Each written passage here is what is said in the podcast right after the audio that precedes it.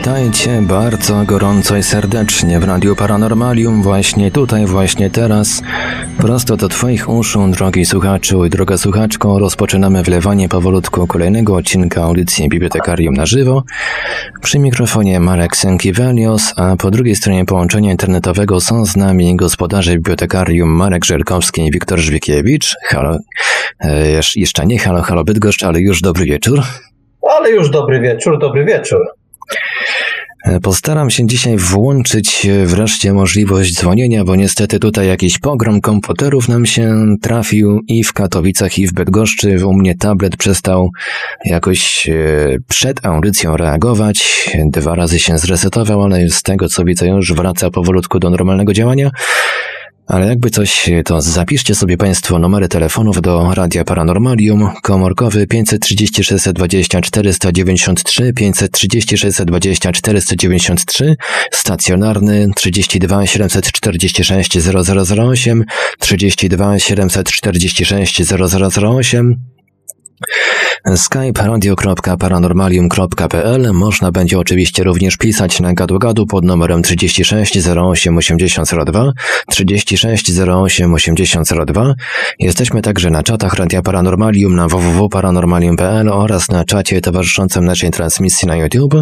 Można także nas znaleźć na Facebooku, na kontach Radia Paranormalium i portalu bibliotekarium.pl na grupie Radia Paranormalium i czytelników Niestanego Świata, a jeżeli ktoś woli, to może nam także wysyłać pytania i komentarze na nasz adres e-mail radiomapaparanormalium.pl.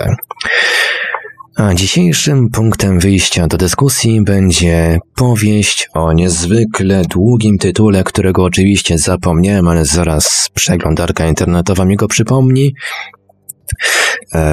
Podróże do wielu odległych narodów świata w czterech częściach opisane przez Lemuela Gullivera, najpierw lekarza okrętowego, później kapitana kilku statków, autorstwa Jonathana Swifta oczywiście, powieść szerzej znana pod skróconym tytułem Podróże Gullivera. A więc teraz tradycyjnie Halo Halo Bydgoszcz, Witam, witamy. Witamy w tej Bydgoszczy po prostu na fali, na fali eurospiekoty, że tak powiem, postanowiliśmy mm, pożeglować trochę. Pożeglować trochę z Gulliverem po świecie. Tym bardziej, że rzecz jest jak na dzisiejsze czasy może być mało poważna, chociaż chyba jest bardziej poważna niż to w naszej pamięci zostało. Ale na letnią kanikułę książka jak znalazł. No właśnie, bo z podróżami Gullivera to jest tak dziwnie, że w większości, że większo dla większości z nas mm, podróże Gullivera to jest taka opowiastka z dzieciństwa, którą e, świetnie znamy, taka historyjka o Liliputach. E, jak się bardziej e, wgryźliśmy w temat, no to może jeszcze o olbrzymach. I to właściwie wszystko. Tak naprawdę bajka dla dzieci. Tymczasem mm, tak nie jest. E, podróże Gullivera, czy też, e, czy też tak jak powiedział Ivelios, e, powieść pod długaśnym tytułem, to nie jest bajka dla dzieci. To jest w zamierzeniu samego autora traktat polityczno-filozoficzno- jakiś tam jeszcze, jeszcze pewno w toku, w, toku, w toku dzisiejszej audycji, w toku dzisiejszej rozmowy jeszcze to, jeszcze to wyjdzie, ale to na pewno nie miała być powiastka dla dzieci. Tymczasem dzisiaj, jeśli się przejrzy internet, to bardzo wiele osób odwołuje się właśnie do tego, no takiego dziecięcego, e, do dziecięcego adresata. Tymczasem ja mam takie wrażenie, że to, e, że trzeba, że powinniśmy pamiętać, że tak naprawdę to popkultura, popkultura, e, w której jesteśmy, której jesteśmy e, kawałkiem, cząstką, ogołociła cały ten tytuł ze wszelkich możliwych e, znaczeń, trochę pozostawiając go jako taki szkielet. To, to ten szkielet to są właśnie te, te liliputy, te, ci, te olbrzymy, a tak naprawdę, tak naprawdę mm, to nie jest istota, nie jest istota tej opowieści, którą Jonathan Swift w XVIII wieku zaserwował. Zanim przejdziemy do rzeczy poważnych, to może ja przypomnę, co mi zostało w pamięci Bogiem a prawdą po tej książce i że, że, że ta książka rzeczywiście nie była e, kiedyś tylko dla dzieci. Otóż ja e, zapamięt, najbardziej utkwił, utkwiła mi anegdota e, Gullivera w, w, z podróży u, z wizyty u Olbrzymów, kiedy to na dworze e, króla, z którym tam toczył filozoficzne dysputy i polityczne, ale e, wchodził w, e, w, różne, że tak powiem, interakcje z damami dworu, no i w nocami, podgl- tak, e, w nocami podglądał, że tak powiem, jak te damy dworu napełniają nocniki wielkie, jak, jak nasze baseny, Y, po których można było pływać na tratwie, a przynajmniej ktoś taki jak Gulliver mógł sobie spokojnie żeglować y, po, po zawartości takiego nocnika. To mało apetyczne. Również, tak, ale również pamięta, y, w, w pamięci zostało mi, zostało mi to, że jedna z dam dworu sadzała go na piersi, uwielbiała sadzać go na piersi okrakiem na sucku, że tak powiem. No, raczej to nie byłaby bajka dla małych dzieci. I na filmach tego epizodu tak. nie zauważyłem. Znaczy, nie? w ogóle jest jakoś tak y, z tym, y, z, z tym wszystkim, co, co dotyczy podróży Gullivera, Gullivera mm, że wszystko to jakoś takie strywializowane, ale powiem Ci tak, że to właściwie jest chyba jakby znak czasów, bo zobacz, e, przecież e, co się, co się stało z powieścią Mary Mary Shelley e, Frankenstein. No przecież zrobiono z tego w latach 30. do dzisiaj oglądany film o monstrum, które chodziło i zabijało. I to właściwie stało się istotą opowieści o Frankensteinie. Już czasami dzisiaj mm, y, słowo Frankenstein, y, słowem Frankenstein określa się tą, tę bestię, znaczy te, tego, tego, tego mhm. zszytego, zszyte, to zszyte monstrum, a nie samego doktora, który, był, który, który chciał. Znaczy, popkultura ma to do siebie, że pewne rzeczy spłyca. No, y, no a, a co się stało? A co się stało, yy, ja wiem, z dzwonnikiem z Notre Dame? Przecież to całkiem poważna powieść. A co zrobił z tego Disney? No, powiastkę dla dzieci, bajeczkę piękną. Oczywiście, ja nie mam nic przeciwko temu, żeby, żeby tego rodzaju adaptacje dla dzieci robić. To nawet ma sens. Tylko y, boję się, że jeśli to będzie jedyne znaczenie, które w nas zostanie, o którym będziemy, o którym będziemy pamiętać, no to wtedy y, jakby nie dotrzemy do istoty tego, co, o, czym, o, czym, o czym znaczy, warto rozmawiać. Y, nie dotrzemy, może dotrzemy, może nie dotrzemy, natomiast po prostu chyba z tego wynika taki piękny obraz tego, czym jest właściwie kultura ludzka kultura. Otóż ludzka kultura ma powierzchnię oraz głębię. Popkultura żegluje, jak ten cały Gulliver, po powierzchni, tylko i wyłącznie po powierzchni kultury jako takiej. Dlatego czas gubi głębie.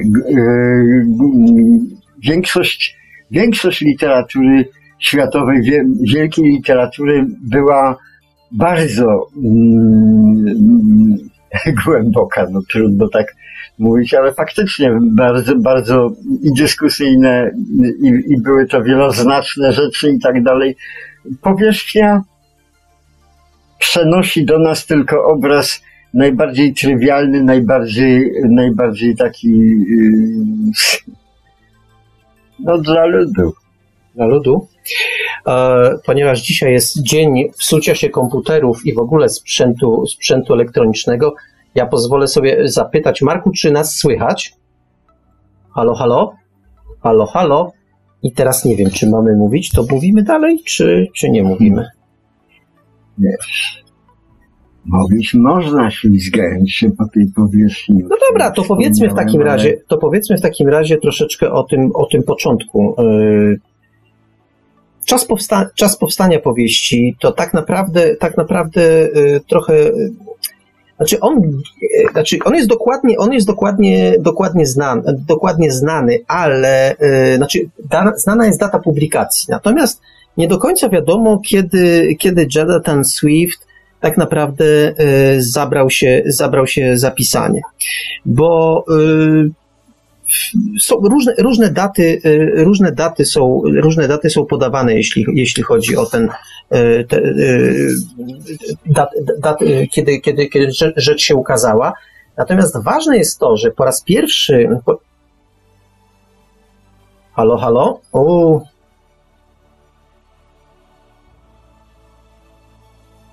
Marsjanie. Marsjanie, tak. Zdaje się, że dzisiaj jest dzień kłopotów technicznych. Halo, halo? Halo, panowie, czy się słyszymy? Słyszymy się, a czy byliśmy wcześniej słyszalni? No, przez parę sekund nie, byliście, nie byliśmy słyszalni ani wy, ani ja, bo tutaj podłączyłem, wreszcie zmusiłem tablet do współpracy, no tylko że się okazało, że z jakiegoś powodu nie słyszał mikrofonu mojego. Aha. Ale chyba już wszystko jest w porządku. Jeszcze zobaczę tylko, czy słyszy nas, e, czy tablet słyszy telefon. No, chyba wszystko gra, także możemy spokojnie otwierać linię telefoniczną. Problemy techniczne zostały przezwyciężone. O, jestem ja, ciekaw, co, ucię, co ucięło z naszego wstępu, kiedy ja, mówiliśmy. Ja mam takie, taką dziwną, y, dziwne poczucie. Otóż, y, jeżeli wszystko w technologii działa, to znaczy, że to jest prymitywny mechanizm. Y, to, że ten mechanizm czasami przestaje działać, świadczy być może o jego inteligencji po prostu. On zaczyna po prostu funkcjonować samodzielnie. Już nie jest naszym sługą i przekazywa, przekazywać nam tego, co my chcemy, obsługiwać nas. Nie. On albo tak, albo nie. Ma własny charakter. Technologia ma własny charakter. Internet ma już charakter prawdopodobnie, dlatego jest taki, jak jest po prostu. Witaj obcy. No, niech ci będzie. No ja skończę ten wątek, który, który zacząłem. Y, powieść została, powieść, dzieło zostało opublikowane w roku 1726, ale zdaje się, że Jonathan Swift poświęcił mu kilka lat swojego życia, no przynajmniej, przynajmniej z sześć, podobno, y, podobno w roku 1720 zaczął, zaczął pisać. Jaka jest prawda, tego, tego nie dojdziemy. Wiem tylko jedno, że po raz pierwszy to dzieło zostało opublikowane y, nie pod nazwiskiem.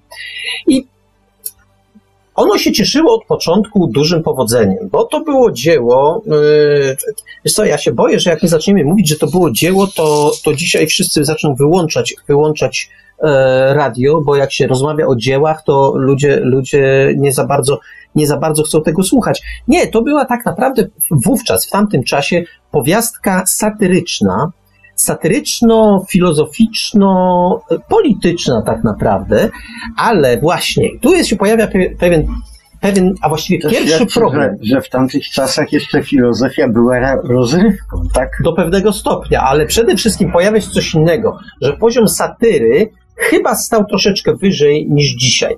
Bo dzisiaj to się wali po prostu cepem, a Jonathan Swift, y, no, jednak robił pewne rzeczy aluzyjnie, na okrągło. To o tym zresztą pewno dzisiaj, pewno dzisiaj powiemy. E, natomiast nie bawił się w takie walenie jak niektóre polskie kabarety, że po prostu łup i jest dowcipas. Nie, to troszeczkę inaczej wyglądało. On jednak, chociaż dotykał bardzo wielu spraw dotyczących czystej polityki. Tak jakbyśmy dzisiaj e, robili kabarety o tym, jak się jedna partia z drugą partią kłóci, tak on rzeczywiście w tych obszarach się poruszał, tylko robił to jednak na sposób literacki. E, czy to dobrze, czy źle, że tak przez ogródki? No, po prostu, wiesz, jeżeli jeżeli jest nacisk zewnętrzny, czyli jeżeli pewnych rzeczy ze względów na uwarunkowania kulturowe albo polityczne i tak dalej niezbyt można powiedzieć wprost, to należy to powiedzieć sprytnie. Jeżeli w naszych czasach można wszystko powiedzieć wprost, to po co robić sprytnie? No dobra, niech, niech, to będzie, niech to będzie odpowiedź. W każdym razie ja powiem tylko jedno, że zaraz po ukazaniu się ta książka zyskała bardzo wielką popularność. Przypomnę, że to nosiła, nosiła tytuł Podróże do wielu odległych narodów świata, e, w czterech częściach opisane przez e, Lemuela, Lemuela Gullivera, e, najpierw lekarza okrętowego, później kapitana kilku statków. I już na początku o tej popularności świadczy fakt, że dzisiaj mało znany, ale wtedy, wtedy owszem znany John Guy, Gay, Guy chyba, taki angielski poeta i dramaturg, dramaturg stwierdził, że mm, ta, ta, ta, to dzieło Swifta e, stanowi lekturę uniwersalną, czytaną przez wszystkie warstwy społeczne. Kto to był ten John Guy? No, o nim wiadomo właściwie niewiele, chociażby, ale jedno wiadomo na pewno, że jedna z jego sztuk stała się w XX wieku taką inspiracją dla opery za trzy, gros, za trzy grosze E, Bertolda Brechta. No to taka jego, taka jego, taka jego, mm. taka jego zasługa, ale no, pochwalił, pochwalił, pochwalił Swifta. Gdzieś tam jeszcze kiedyś Orwell pisał o tym, że gdyby miał zabrać sześć książek na bezludną wyspę, chyba to jedną z nich byłyby właśnie podróże Gullivera. No to tak, żeby złożyć hołd Swiftowi, no to możemy, możemy o takich rzeczach powiedzieć. Ale zwróć uwagę, w jakich wygodnych czasach żył Jonathan Swift po prostu wtedy wystarczyło napisać, to znaczy nie wystarczyło, ale trzeba było napisać dobrą powieść, dobrą książkę, y, jakby, jak to powiedziałem przed chwilą, sprytną książkę i było się tłumacz, czytanym nie tylko przez wszystkie warstwy społeczne, ale również tłumaczonym na wszystkie europejskie języki. Natychmiast praktycznie biorąc E, powodzenia życzę każdemu, kto dzisiaj w Polsce napisze nie wiem jaką książkę, e, jakiego kalibru, żeby ktokolwiek chciał to tłumaczyć na jakiekolwiek inne europejskie języki. Po prostu przesyt tworzy to, co stworzył. Mamy w tej chwili pełne księgarnie, pełne, mm, pełne półki, Książki trzaskane są praktycznie codziennie w każdym kraju. No i no wiesz, współcześni Swiftowi, yy, czytelnicy współczesni Swiftowi postrzegali e, owe podróże Gullivera jako powieść z kluczem. E, Im było łatwiej, im było łatwiej ten klucz znaleźć, e, i, ale bardzo usilnie stara, starali się już, już wówczas rozszyfrować rozmaite aluzje do tych ówczesnych problemów politycznych, tej y, ludzi czy, czy, czy, czy jakichś takich grup działających na scenie, na scenie politycznej, y, czy jakichś tam nawet stron, jakichś stronnictw, a nawet konkretnej postaci. No, zwróćmy uwagę, że będziemy o tym później mówić, ale, ale kiedy, kiedy jest y, główny bohater Gulliver w krainie, w krainie Lilitu, Liliputów, a to problem, który, tam, który się tam pojawia, o którym pewno za chwilę powiemy, e, sporu, wielkiego sporu pomiędzy dwoma, e, dwoma lilipucimi narodami, e, to jest jakby odbicie długiego konfliktu pomiędzy Anglią a Francją. No to powiedzmy, wiesz, żeby, żeby nie trzymać y, dłużej w niepewności, e, na czym ten konflikt wielki polegał pomiędzy Liliputcimi. I na czym polegają dzisiejsze konflikty no, z partiami. No, no mniej więcej na dokładnie tym samym, ta sama, nie? mniej więcej na tym samym. To wal. No tak. Yy, yy, powiem tak. Oni się spierali o to, z której strony należy tłuc jajko w czasie konsumpcji. Czy z tej cieńszej, czy z tej grubszej. No, jak to w dobrej satyrze. I to, to yy, ten konflikt wywoływał no, bardzo, bardzo poważne konsekwencje. No, te konsekwencje tak wywołują konflikty yy, nasze, że tak powiem, to znaczy nasze, nasze tego tyle samo warte, jak, jak spory o, o to, jak skorupkę jajka rozbijać z której strony. Natomiast wiesz, ja mam takie mieszane uczucia po prostu, jak, jak o tym myślę, to wiem, że ta książka była kiedyś po prostu bardzo, bardzo, bardzo ważną na, na, na, na całym europejskim kontynencie. Takich książek było wiele. E, właściwie każda, każda jakaś wielka książka, która się pojawiała w Europie, natychmiast była ważna dla całego kontynentu. W tej chwili tej wspólnoty po prostu nie ma. Co my możemy, jak, jak my będziemy pisali o, o, o, o, o, o tym, jak jajko rozbija nasza lewa czy prawa strona w Sejmie, no to co to kogo obchodzi, skoro mają swoje rozbijacze jajek, nie? No tak, ale bo ty tak zaraz, y, zaraz musisz e, mm, z grubej rury walić. No, są, są, są takie państwa, wtedy Anglia też była nieco, w nieco innym miejscu, e, znaczy geograficznie w tym samym, ale w nieco innym miejscu, jeśli chodzi o politykę, niż Polska. I w dalszym ciągu to zostało. Jak się coś w Anglii dzieje, to o tym słyszy cały świat, a w Polsce nie zawsze, choćby czasami się działy rzeczy ważne. Ale wracając jeszcze do tego, y, y, Gulliver, y, kiedy jest w tych lilipucich państwach, y, jedno z nich się Belfusku nazywało, to przecież y, tam jest mowa o tym, że ten konflikt jest po pierwsze bardzo długi, po drugie mm, w tak zwanym międzyczasie to jeden z cesarzy stracił życie, y, jeden z władców utracił, no nie przestał być władcą z tego powodu. Tam zażarty, zażarty konflikt się toczy i to nie są, y, to nie są żarty.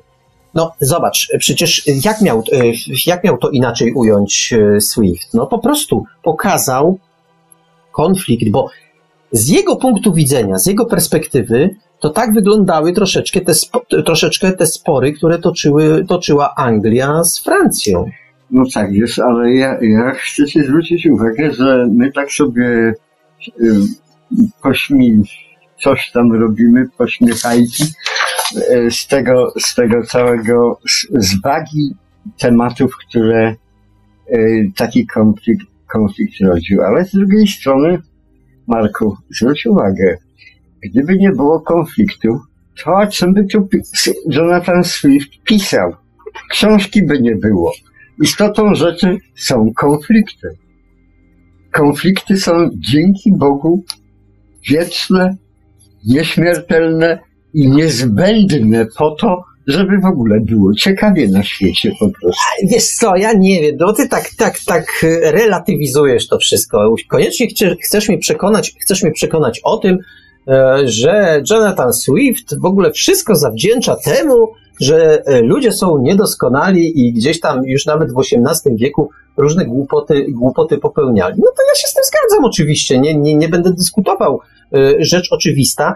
Mnie chodzi o to, że mm, robi to jednak w sposób, e, jednak w taki sposób niezwykle, niezwykle mm, wdzięczny, taki wiesz, on to robi nie tak, wiesz, że wali pało między oczy, jakby to zrobiły niektóre współczesne kabarety, tylko stara się to, zobacz, to, że rozmawiamy dzisiaj i że znajdujemy dzisiaj analogię do tego, co opisywał Swift w swojej książce, to em, moim zdaniem świadczy to o tym, że on osiągnął, co prawda, oczywiście odwoływał się, no nie bez przyczyny mówię, o, mówiłem o tym, że to powieść była uważana za powieść z kluczem, odwoływał się do ówczesnych wydarzeń, ale udało mu się m, tak to przedstawić, że dzisiaj znajdujemy tam również e, odbicie naszych czasów. Czyli zrobił coś uniwer- uniwersalnego. znaczy zrobił przede wszystkim również to, że obu- obudował tą całą swoją, e, e, swoją teorię świata, że tak powiem, zwykłą prozą życia, po prostu obyczajowością, po prostu malowniczością obyczajów, po prostu. Bez tej prozy życia nie byłoby właściwie w ogóle literatury pięknej.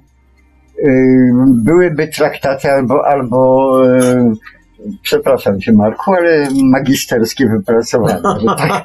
No dobrze, niech ci będzie, ale No. wiesz co, e, trzeba przyznać, że to był w ogóle czas, ten XVIII wiek, kiedy powieść podróżnicza, bo przecież taką formę ma, e, mają podróże Gullivera, podróż podróżni, e, powieść podróżnicza, czy, e, no, święci swoje trium, triumfy.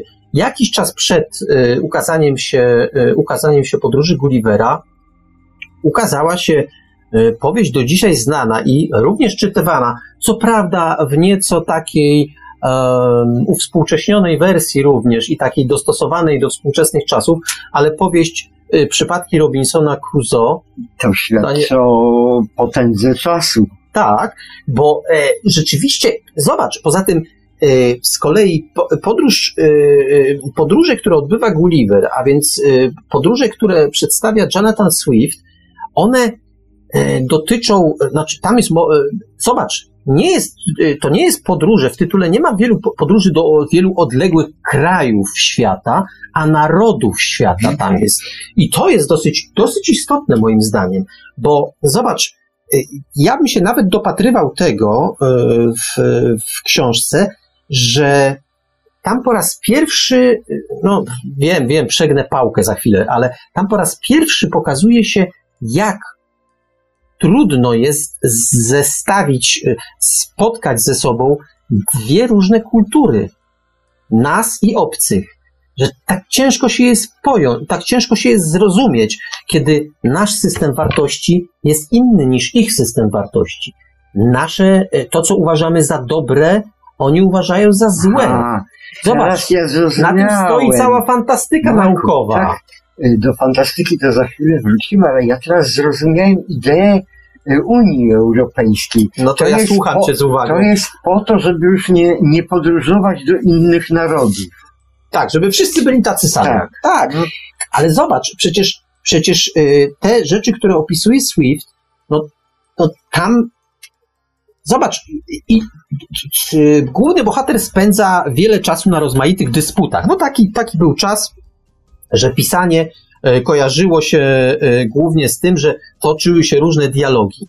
On tam rozmawia z przedstawicielami Liliputów, czy w drugiej części z, z władcą olbrzymów. Tam się toczą nieustające dysputy. Dysputy, w których ścierane są poglądy dla nas, e, czy dla ówcze- ówczesnych Europejczyków oczywiste, czyli na temat prawa, na temat tego, co Swift sądzi o prawie, czy też o teorii oraz praktyce prawa, z tym, co mogą e, sądzić na ten temat inni, z naszego punktu widzenia obcy. Tam są tak samo proste rzeczy wykładane, jak, za przeproszeniem, jak w Biblii. O kradzieży, o dobrze, o źle, o oszustwie, o prawdzie, o wszystkich takich rzeczach.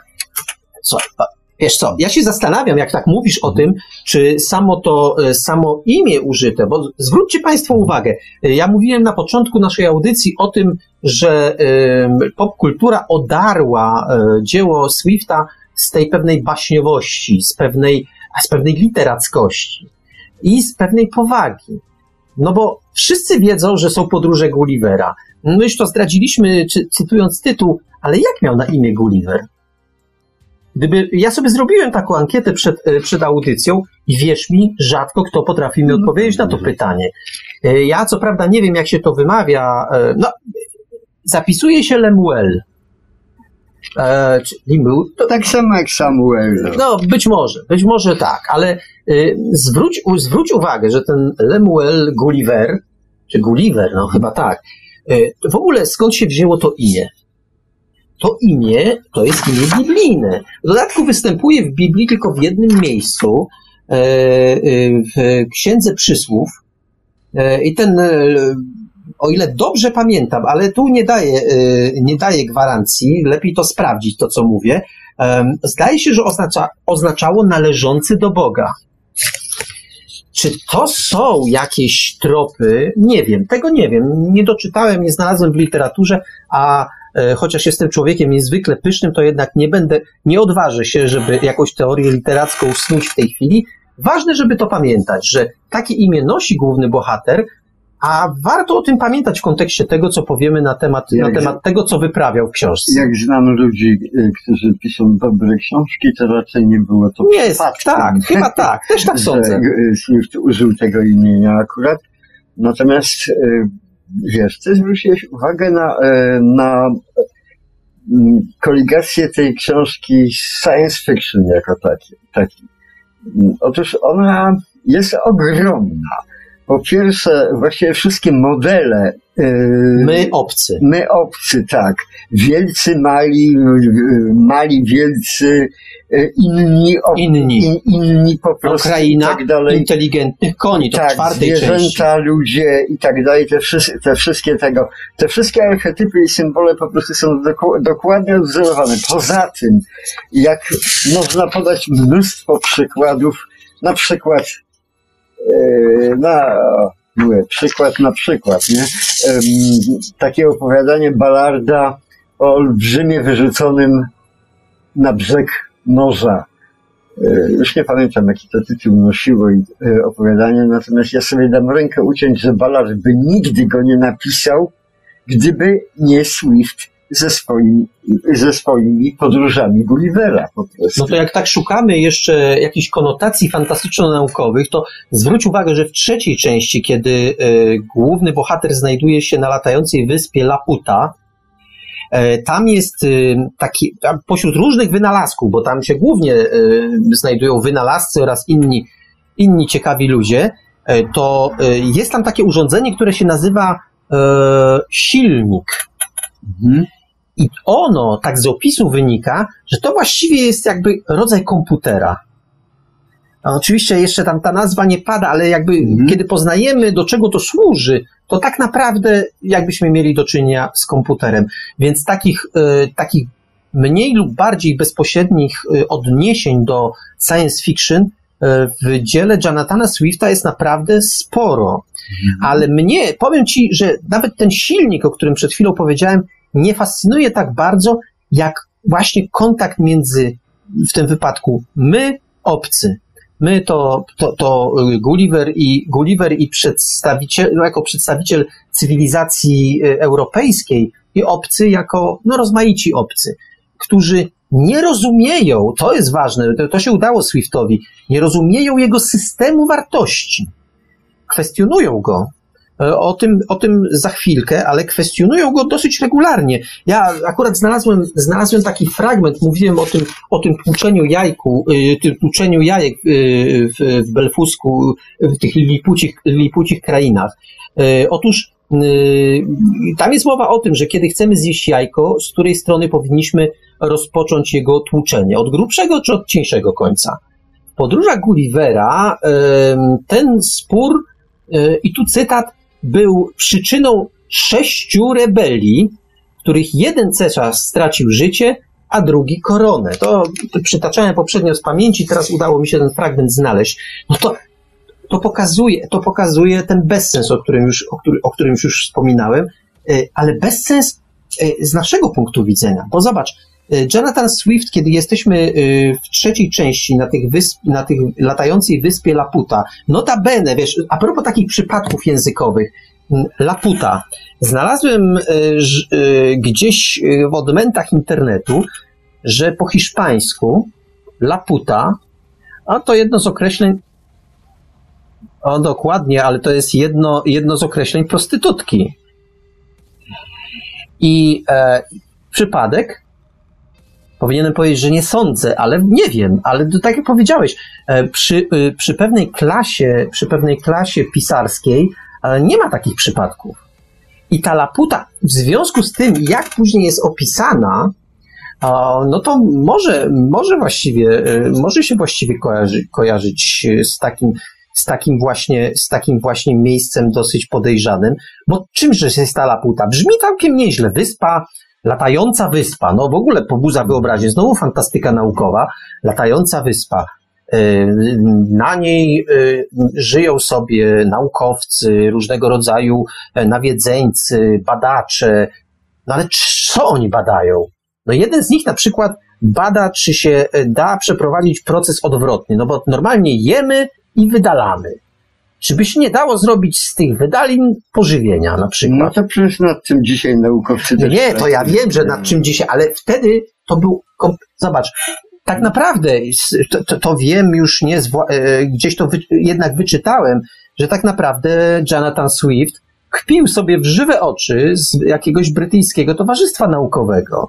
Bo e, to, co opisałem, ten problem, który tu przed chwilą opisałem, to był jeden, jeden z mniej absurdalnych problemów. Oni się zajmowali jeszcze bardziej absurdalnymi, e, absurdalnymi rzeczami. E, no, przy okazji wynajdywali też rzeczy całkiem, całkiem, całkiem, całkiem fajne. Ale nie wiesz, ta absurdalność, Marku, jest dla mnie zawsze taka podejrzana, bo wiesz, dla człowieka współczesnego, na przykład dla Europejczyka, tego pełną gębą, jakie to ma znaczenie, czy to nie jest abstrakcyjnie, totalnie problem czy istnieją czarne dziury, czy istnieją, czy to są czarne tunele, czy to są czarne, e, czarne coś tam e, bagno, czy to jest coś innego czarnego, czy to jest czarny mam.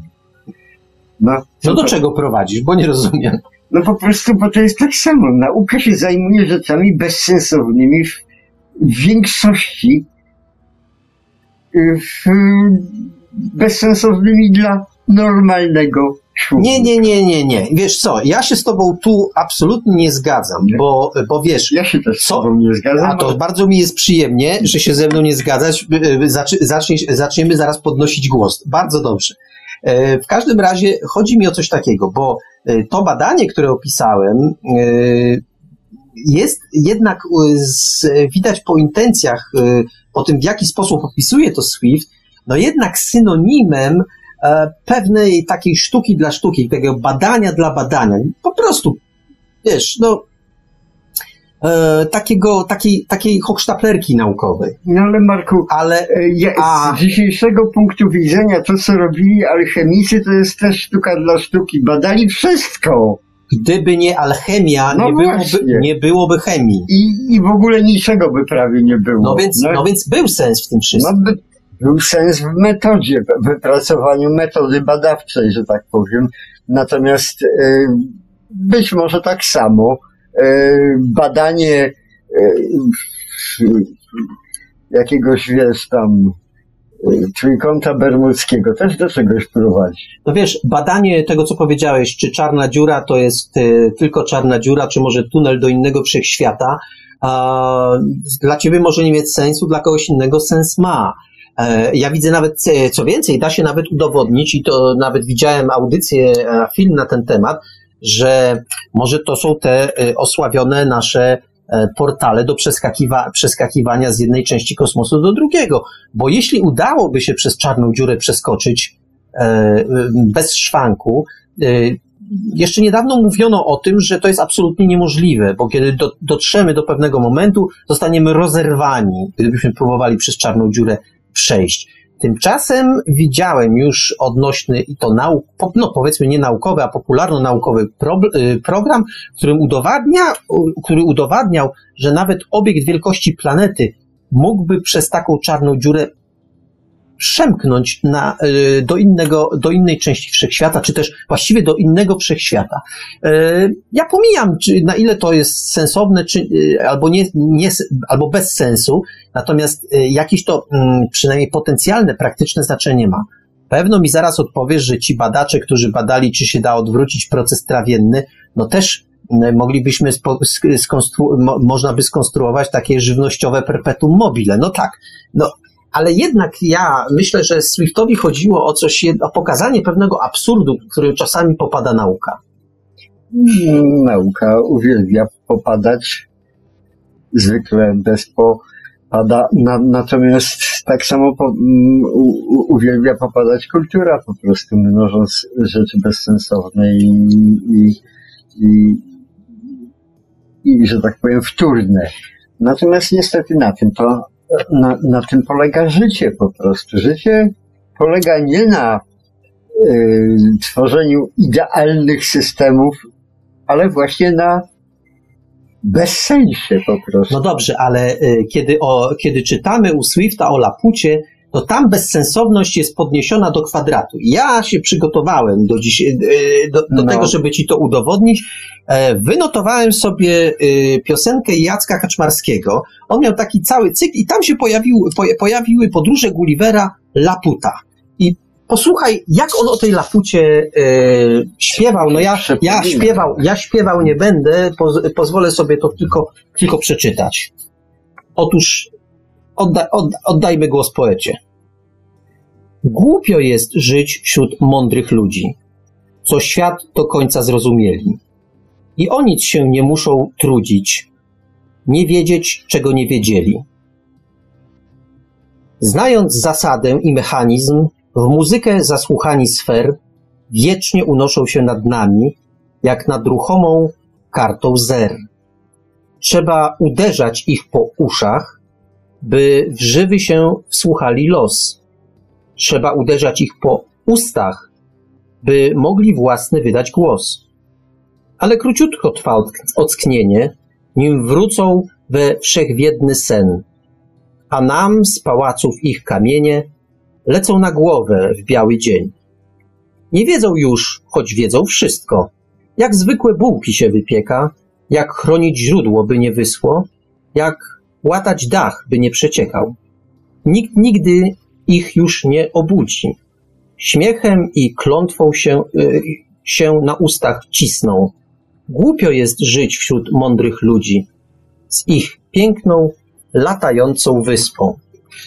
I myślę, że Kaczmarski dokładnie, dokładnie, świetnie przekazał to, o co chodziło Swiftowi. Świetnie, co przekazał. Zresztą e, doskonale to e, współgra z książką, której nigdy w życiu nie napiszę, a jest, bardzo boleję nad tym.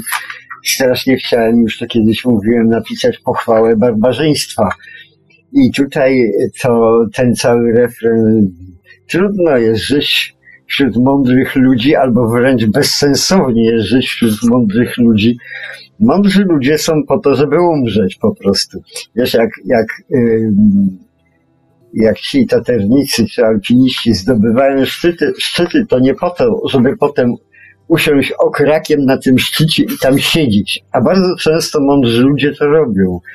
Zdobywają pełną mądrość, po czym na tej mądrości, że tak powiem, siedzą okrakiem trzymają się tego i już nie widzą niczego innego poza tą swoją mądrością. Ale wiesz, Mądrość jest do zdobywania, a nie do siedzenia na Wiesz co, ale ja sądzę, że Kaczmarskiemu, a wcześniej Swiftowi chodziło o coś takiego, że ta Laputa, latająca wyspa, jest zamieszkana przez, no właściwie przez szarlatanów, takich szarlatanów naukowych, którzy są e, tak zatopieni e, w takich spekulacjach myślowych różnego rodzaju, E, że mm, potrzebują e, e, takiej swojej swoistej służby, takich budzicieli, to tak określi, określmy. Oni stale kroczą pomiędzy tymi badaczami i muszą ich uderzać, o tym co Kaczmarski, Kaczmarski wspomina, uderzać ich po ustach i po uszach, takimi wydętymi pęcherzami z grochem, aby przywoływać ich do rzeczywistości. Oni po prostu kompletnie odlecieli na tej lapucie. Czy, czy ty uważasz, że ci, którzy badają te czarne dziury, nie odlecieli? Wiesz co, nie jestem przekonany, bo ja później widzę Wiktora Żwikiewicza, który e, z wypiekami na twarzy czyta Scientific American albo, e, albo Wiedzę i Życie i niesamowicie się tym przejmuje, przejmuje co oni tam na bas grali. No tak, ale to jest, to jest atawizm po prostu młodzie, młodzieńczy, że tak powiem. Natomiast Bogiem ma prawdę, to sensu w tym nie ma ża żadnego, bo i tak nic z tego nie wynika, bo dzisiaj to są dziury, tak samo jak struny, a jutro będą, a jutro będą rury. sprężynki, rury albo inne tam e, e, kółka. E, na pewno tak będzie, więc ciekawy jest tylko proces dochodzenia do czegoś, do czego się nigdy nie dojdzie. Natomiast, bo, bo nigdy, że tak powiem, tej prawdy oczywistej nie, nie, nie osiągniemy, bo po prostu być może dlatego, gdyż jej w ogóle nie ma. E, ja tak się zastanawiam, bo mówimy już dosyć długo o, o, o dziele, dziele Swifta, a nie powiedzieliśmy mm, dla zainteresowanych, e, jak mniej więcej to jest skonstruowane. Otóż e, te wszystkie podróże, e, o ile dobrze pamiętam, to są cztery wielkie podróże. Tak, cztery strony świata. Cztery wielkie podróże. One się, e, one trwają tak naprawdę, i tu mogę się, też mnie proszę sprawdzić, ale wydaje mi się, że 16 lat łącznie trwają. E, I to, to są podróże, tak wymiennie po kolei. Pierwsza część to jest podróż, w której Gulliver trafia do kraju Liliputów.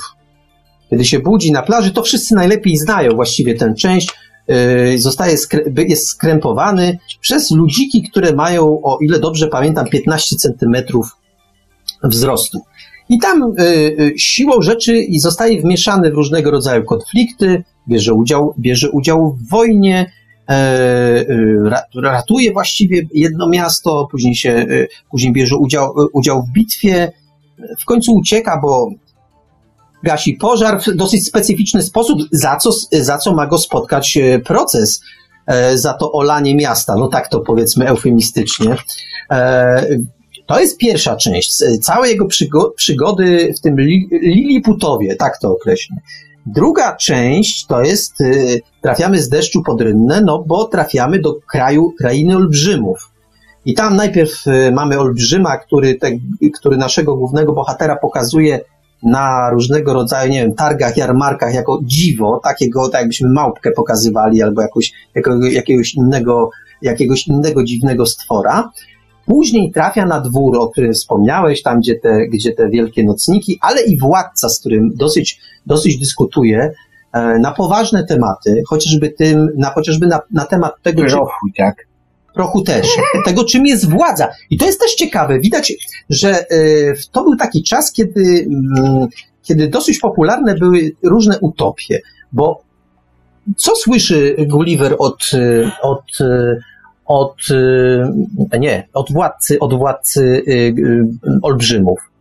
Żeby mu, broń Boże, nie zdradzał, jak się proch produkuje. Bo on wcale nie chce te, znać tej receptury, bo to jest straszne. No i tu, tu widać, jakim jednak pięknoduchem był, był Jonathan Swift, postulując coś takiego, bo proszę mi pokazać jakiegokolwiek władcę, czy to dawnego, czy współczesnego, czy to będzie prezydent, czy to będzie, czy to będzie inny król, który, który mając okazję y, posiąść tajemnicę jakiejś ekstra tajemniczej broni, dającej przewagę nad innymi, powie nie, nie, ja nie chcę tego znać. No napisałbym chętnie e, opowiadanie albo powieść o władcy, który właśnie takiej broni nie chce, z pełną świadomością, gdyż może być użyta przeciwko niemu również. Um, Więc lepiej ją ale... pogrzebać, zadeptać, zgasić ten ogień. A, to mam, mam do, jeszcze puentę do twojego opowiadania. Pogrzebać, zadeptać i jeszcze zamordować wynalazcę. Tak, oczywiście. Koniecznie. Tak, koniecznie. koniecznie. No. A nie wiem, czy pamiętasz, było takie opowiadanie e, e, Raya Bradberego. E, w takim, e, e, czyż mi się pomylił? Nie, chyba dobrze. Taki był, taki był zbiorek opowiadań e, Kajak Kosmos. Mhm. Bradbury. I tam też była e, takie opowiadanie, które się w Chinach dzieje, mhm. gdzie pewien wynalazca wynalazł urządzenie i został właśnie zamordowany. Bo to nie był. Chińczycy byli mądrzy. Pewne rzeczy muszą mieć swój czas, tak aby być wynalezione. No tak, ale, ale w gruncie rzeczy, no przyznasz, że no dobrze, to my sobie możemy tutaj poukładać scenariusze fantastyczno-naukowe, ale jednak przyznasz, że no Jonathan Swift był, był pięknoduchem. No, był, był, był, był, był, miał polos po prostu piękno ducha. No to powiedzmy jeszcze, bo stanęliśmy w połowie, e, bo e, stanęliśmy w kraju olbrzymów, a to jeszcze nie koniec podróży, bo trzecią podróżą, którą odbył, którą odbył, e, no właściwie został uratowany, bo jak on był w tym, w tym kraju olbrzymów, to najpierw sobie powalczył z wielką muchą, to bardzo, bardzo ładnie opisuje, bardzo ładnie Swift opisuje walkę z muchą. Natomiast e, później został porwany przez jakieś ptaszydło, orła, e, orła chyba. Poczekaj, poczekaj Marku, jak mówisz o tej walka z muchą. Ileż filmów powstało potem aż od obcego ósmego pasażera Nostromo, począwszy w science fiction o tych, jak, jak to my walczymy z wielkimi muchami albo innymi pasożytami, Wiesz, albo przylatującymi. Ja nie wiem, czy pamiętasz taki klasyk horroru Mucha, tak. ale ja nie mówię o tym, y, tak. tym, tym filmie z lat, z połowy lat 80., ale był też taki tak, w latach tak. 50. nakręcony bardzo wprost, no. kiedy główka główka muchy na ciele człowieka mhm. w dużej wersji i a odwrotnie mała główka człowieka na ciele mhm. na, owada w małej wersji tam, tam była, no tak bardzo wprost. No masz rację, rzeczywiście, rzeczywiście coś takiego się A ile ja się pojawia. Na, naprodukowali tych godzili i wszystkich innych takich, tych wielkie, dużo depcze tak. nas malutkich. Nie? Tak, tam jak Eibrych, pod, potwór z głębin, albo Godzilla kontra Mecha tak, Godzilla, tak, powrót tak, Mecha Godzilla i tak dalej. No piękne to były filmy, chadzałem, chadzałem pasjami. Natomiast wróćmy, wróćmy jednak, wróćmy jednak do Jonathana Swifta, no bo później go porywa jakieś ptaszydło z tego kraju, z tego kraju um, olbrzymów, bodajże orzeł, i go gdzieś tam porzuca i chyba na, e, na środku morza i wtedy go ratują mieszkańcy e, latającej wyspy Laputy, czy Laputa, no dobrze, wyspa Laputa była w każdym bądź razie. No i tam poznaje to, to, to dziwne miejsce. A, i to jest trzecia część. I czwarta część, e, chyba naj, znaczy, ona mi się najbardziej podoba. Mi się też chyba. No właśnie, chyba mi się najbardziej podoba, bo... Niej, chociaż jest zupełnie praktycznie biorąc nieobecna w przekazach tych e, Tak. Powierzchniowych. No bo tak jest, powiem, bo jest nie? dosyć trudna, No, bo no. co tam mamy, z czym tam mamy do czynienia? No to już jest klasyczne science fiction, bo mamy tam już do czynienia z obcymi. Bo mieszkańcy, ja nie podejmuję się wymienić nazwy, ale są to inteligentne konie. Oni się nazywają, ale ja nie potrafię tego wy- wypowiedzieć. Te inteligentne konie, e, co e, goszczą, goszczą e, głównego bohatera i odkrywają, że na podstawie jego opowieści, na podstawie jego wyglądu, że oni mają takich u siebie, takie dzikie stworzenia, Jahusi to się chyba nazywa, Jahusi ich nazywali, i to są ludzie. Mają wszystkie przywary, które, e, e, które Gulliver opisuje e, jednemu z, jednemu z tych mądrych koni. I wydaje się to, ta kraina mądrych koni pewnym takim sielskim obrazkiem, rajem na ziemi. A okazuje się później, że to wcale taki raj nie jest, że pomimo, że tak fajnie i oni są tacy inteligentni i tacy mądrzy, to jak przyjdzie co do czego, to się wcześniej czy później okazuje, że nawet najinteligentniejsi w pewnym momencie pokażą ci kuku. O tym kuku będziemy, będziemy, zresztą, będziemy, zresztą, będziemy zresztą mówić. No to tak się przedstawia najogólniej, jeśli można by zrobić zarys fabuły, to tak najogólniej przedstawia się fabuła podróż, y, podróży Gullivera. No to teraz warto by, warto by troszeczkę, mm, myślę, powiedzieć o tym, tak, tak tokujemy, tokujemy, że to są, że to jest opowieść filozoficzno-polityczna, No nie, e, przede wszystkim to się bardzo ciekawie czyta. To ma fabułę, to ma. mm, Każdy rozdział ma puenty.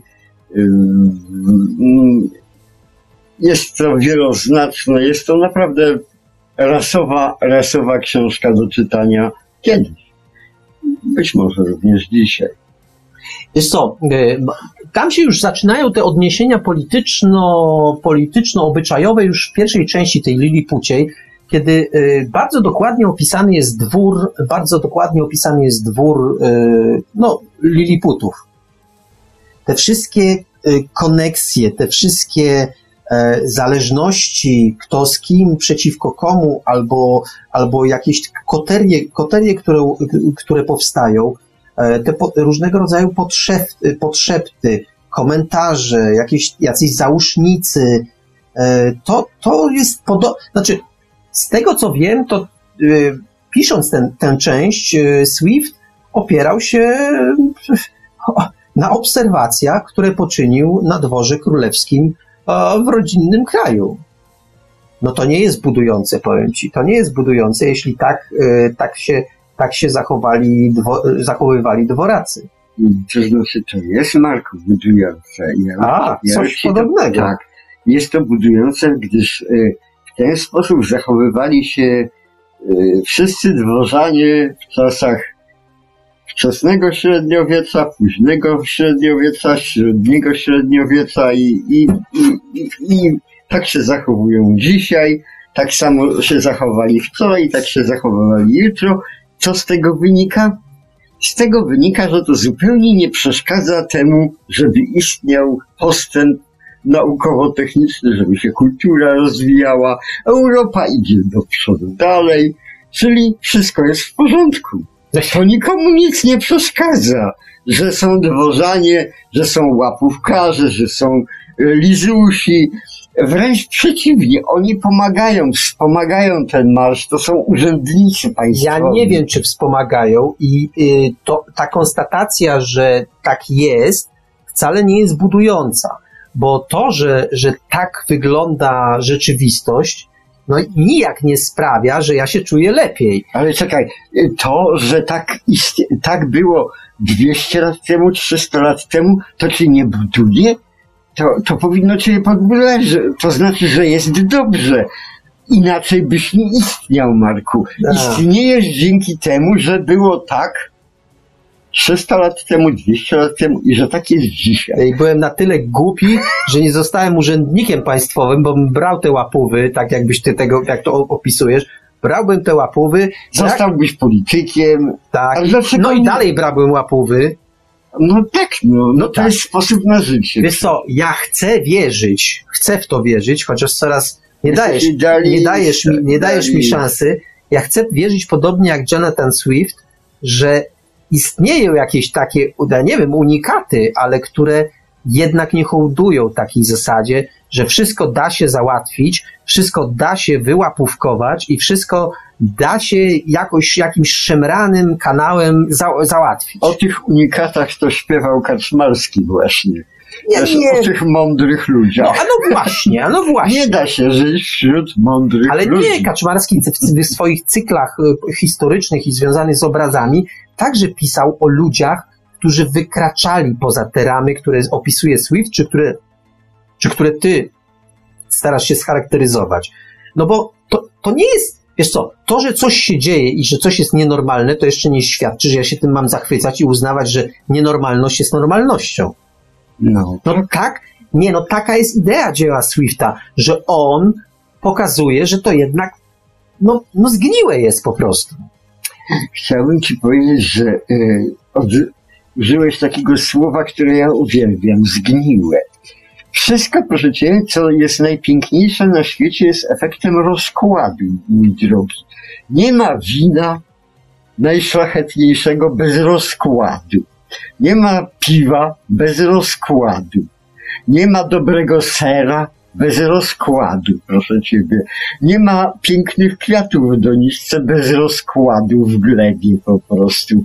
Nie ma również przyszłych pięknych pokoleń europejskich albo tam obojętnie azjatyckich bez rozkładu mnie i ciebie na drobne. Wiesz co, No, to tak jak się już przerzucamy argumentami, to powiem ci w ten sposób. Dobrze, z winem trafiłeś, ale jednak jak chcę się napić e, setkę wódki, to będę stawiał jednak na destylację. Czyli pewne, pewne wysublimowanie tego ale wszystkiego. najpierw rozkładamy, Dobrze, a potem ale po- wyciągamy. No dobrze, no, No ale dobrze, jednak, no, jednak. no, no. Natomiast jeśli poprzestaniemy tylko i wyłącznie na tym e, e, etapie rozkładu, no to nie jest fajnie. Nie, nie, ja myślałem o świadomym rozkładzie. No tak, ale zauważ, że ten, ten rozkład, ten rozkład, o którym mówimy, czyli ci, to życie dworskie, tak to określmy, bo, bo e, wszystkich zainteresowanych oczywiście odsyłamy do, do książki Jonathana Swifta, bo tego się nie da opisać słowami, w jaki sposób, e, w jaki sposób dwór e, funkcjonuje, jak tam jedni drugich podgryzają, podkopują, podkładają świnie, to tak się chyba dzisiaj mówi. E, to ten sposób funkcjonuje. E, I to właściwie dobrze funkcjonuje, bo, bo to mm, działa. Najważniejsze, jak, dzia, jak działa, to znaczy, to znaczy że, że no, na tym etapie się sprawdza. Ale jednak, no, wiesz co, Swift by tego nie pisał, gdyby to jednak, żeby jednak nie chciał tego ośmieszyć. Wiem, Marku, ale wiesz, jakoś e, z czasem bieżącym mi to, mi to tak e, pobrzmiewa, bo były takie same, wiesz, pośmidówki, pośmidówki po prostu, wiesz, o jakimś tam dworze, n- przypomnę ci, o, dwo, o dworze Kaczora, e, te, Donalda Tuska. Dzisiaj są takie same poś, e, pośmiewki, proszę Ciebie, na, o, na temat dworu kaczyńskiego, że tak powiem, i co z tego? Jakie to ma znaczenie, skoro wiesz, jest takie to, przypo, przywołuję bardzo często to arabskie, bardzo mądre powiedzenie, psy szczekają, karawana jedzie dalej. To, że tak Nawet jest, idzie. proszę, Idzie. idzie dalej. Idzie. Idzie. Ale wiesz co? Nie no, gdzieś się, zbliż- się nasze stanowiska zbliżają, ale chyba jednak nie do końca. Bo ty uznajesz, że tak jest. No owszem, pe- pewno różnego rodzaju I nawet tak musi być po prostu, bo taka jest natura ludzka A ja uważam, a ja uważam, że y, siła pewnych ruchów tkwi w tym, że się ludzie buntują przeciwko temu. Tak, jest, mówisz jak komunista, kurde. A tam komunista. Zniszczymy tą zgniłą, Nie, w naszym- e, dworską tą nie. i zbudujemy. W naszym kraju najprościej, jak chce się komuś ukręcić głowę, to powiedzieć, że jest komunistą. Nie, ja nie jestem komunistą. Ja jestem człowiekiem, który chciałby żyć w kraju, w którym cnotą nie jest obrobienie tyłka drugiemu człowiekowi albo okradzenie go, nawet nie, gdy on nie jest tego świadomy, ale okradanie go y, w jakiś taki pośredni sposób. Że to nie jest cnota po prostu i takim, w takim, tego bym chciał. Marku, ja ale nie, ty mówisz... nie chcę komunizować No, Marku, dobrze, ale ty mówisz o chcieństwie. Ja żyję w takim kraju, jaki jest, a nie taki... Nie chcę żyć w takim, jakim by, bym chciał, Ale bo w tym zaręczam momencie byłbym utopistą, y, wizjonerem, szaj, szalonym zupełnie oszołomem, który by chciał, że tak powiem, swoją rzeczywistość y, wprowadzić w życie po No prostu. kuźwa, ale czy ty nie rozumiesz tego, że to, co mówisz, jest moim zdaniem nie styka się po prostu, bo ty chciał. Swift też nie zamierzał emigrować ze swojego kraju. No Co, no tak, ale to nie znaczy, że położył uszy po sobie i w ogóle tego nie zauważał. O takich rzeczach trzeba mówić, ponieważ generalnie ludzie, tylko, nie, tylko Nie, część no społeczeństwa dobrze. mówi, no Dobrze. wiadomo, łapówki brali, e, biorą i będą brali. Zauważ, tylko część ludzi się na coś takiego godzi, a część mówi, kuźwa, przecież ja i tak im płacę, i tak z moich podatków idą pieniądze. To ja funduję urzędnikom to, że mogą pracować, bo to z moich podatków jest płacone. To dlaczego on chce jeszcze ode mnie łapówkę?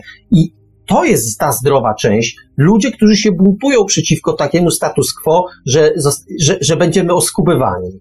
I, I to chciał chyba Jonathan Swift p- pokazać. Ale, ale wiesz, ale on nie jest wojującym. On po prostu to nie opisuje zdarzenia em, z dystansem ogromnym i z dobrym smakiem w sumie. Ale ja wcale nie mówię, że on jest wojujący, bo siła, wiesz, jest coś takiego jak siła spokoju, proszę, bez żadnych konotacji politycznych. Siła spokoju polega na tym, że opisujemy coś i to dogłębnie. Swiftowi się to udało. On opisał w tej powieści z kluczem sposoby, w jaki, jaki to działa. I to już było na tyle ośmieszające, że, pewnym y, że, że pewne osoby, pewnym osobom e, nie było przyjemnie przyznać, że ja jestem właśnie taki, że właśnie mnie e, e, w tym sportretował Jonathan Swift, że właśnie taki jestem wredny i paskudny. Na tym polega siła takiego utworu, moim zdaniem. Dobrze, Marku, ja się z tym zgadzam. Natomiast wiesz, ja nie lubię naprawiać rzeczywistości. Od tego są inni ludzie. Od naprawiania rzeczywistości. Rzeczywistość jest jaka jest. Ja się nigdy nie zgodzę z rzeczami według mnie negatywnymi. Nie zgodzę się i nie dam im przyzwolenia, ale nie będę próbował naprawiać. A zobacz, a jakbyś ocenił e, taki fragment, e, taki fragment e, dzieła Swifta, w którym on, e, kiedy rozmawia z, e, bodajże z władcą Lilliputów, ale, ale to już nie, Mhm. Wydaje mi się, że to ta rozmowa jest. Kiedy y, dowiaduje się o tym, że kodeks karny w kraju Liliputów jest zupełnie inny niż ten, który można spotkać w Europie.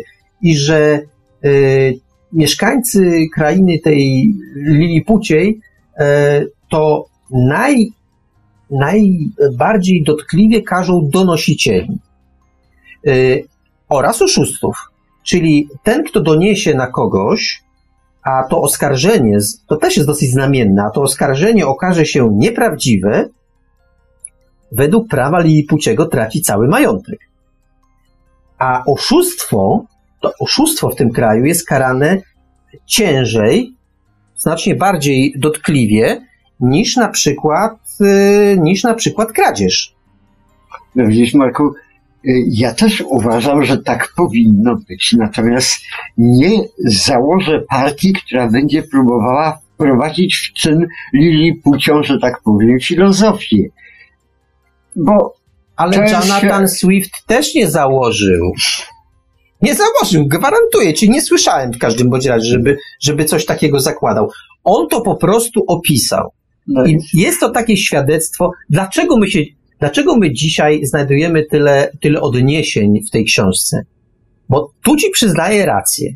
Chyba niewiele się zmieniło. no nic się No, nie zmieniło. chyba niewiele się Marku. zmieniło, ale to, to w związku z tym, co, powinniśmy to uznać, że ponieważ przez ostatnie kilkaset lat nic się nie zmieniło, to to jest normalność? Nie, tak. To znaczy, że taka jest ludzka natura.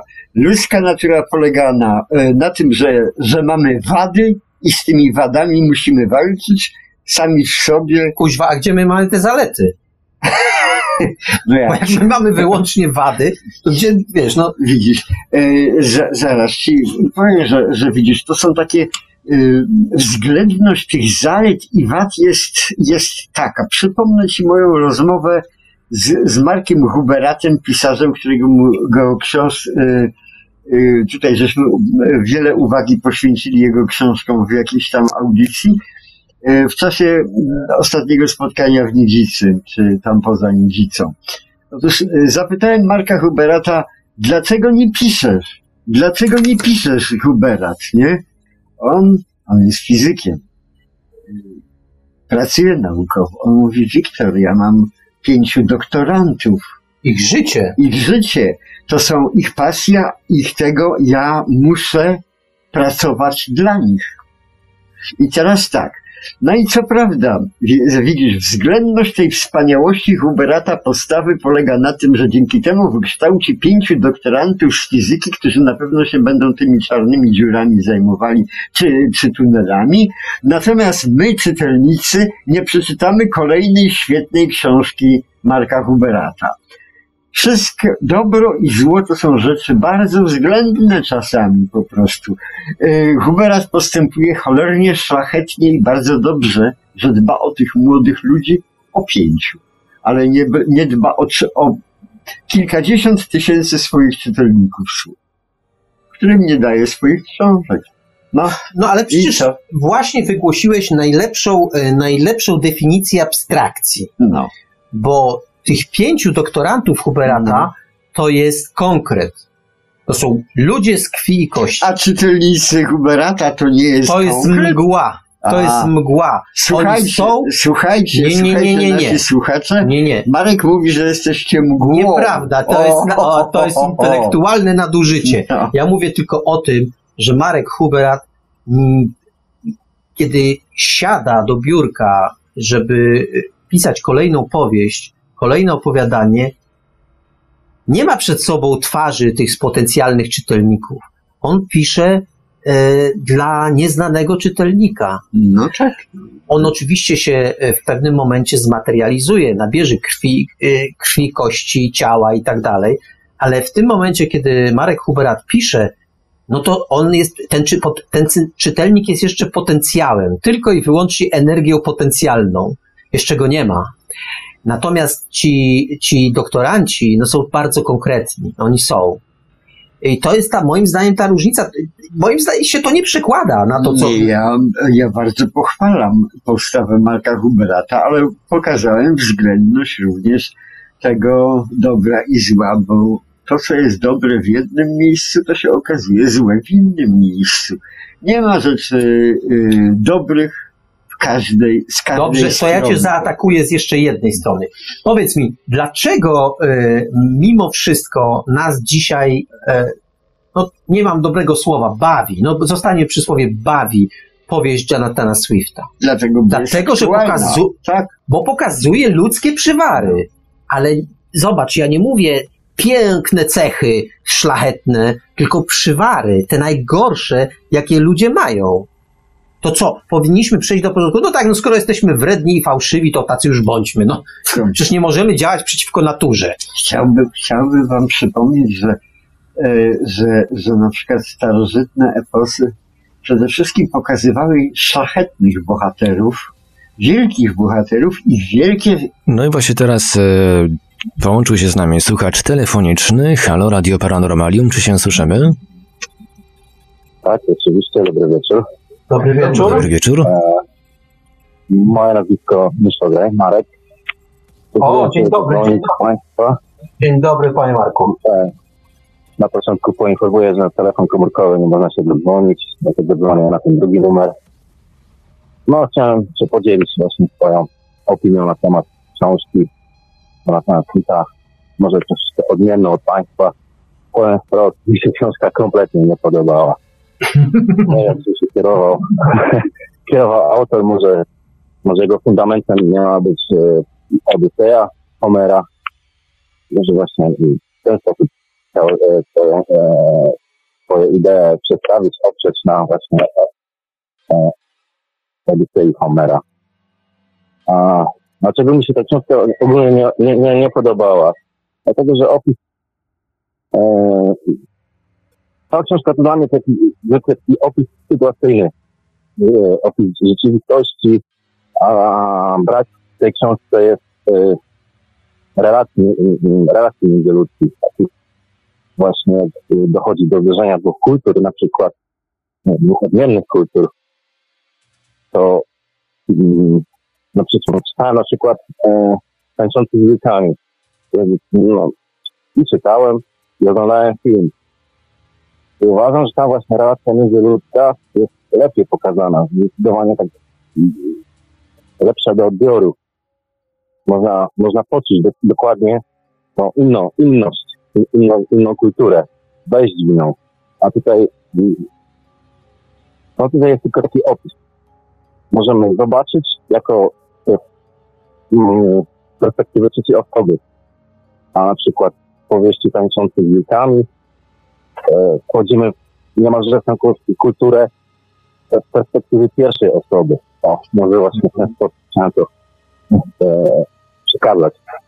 To mi się w tej książce nie podobało. Nie jeśli, mo jeśli mogę coś powiedzieć, to y, musimy jednak, znaczy uważam, że y, właściwie trudno się z Panem nie zgodzić, bo to, co Pan poruszył, to prawda. Tylko y, trzeba, trzeba pamiętać o tym, że ta książka powstała na początku XVIII wieku, kiedy powieść jako taka, y, jako ta, ta, taki twór, jaki znamy dzisiaj, no właściwie nie istniała taki, taki jeszcze, nie miała, jeszcze nie miała e, krwi i kości, jeszcze to wyglądało troszeczkę inaczej. E, taka prawdziwa powieść to jednak wiek XIX. To, co się pojawiało w wieku XVIII, to jednak było, to były jednak częściej opowieści takie filozoficzne.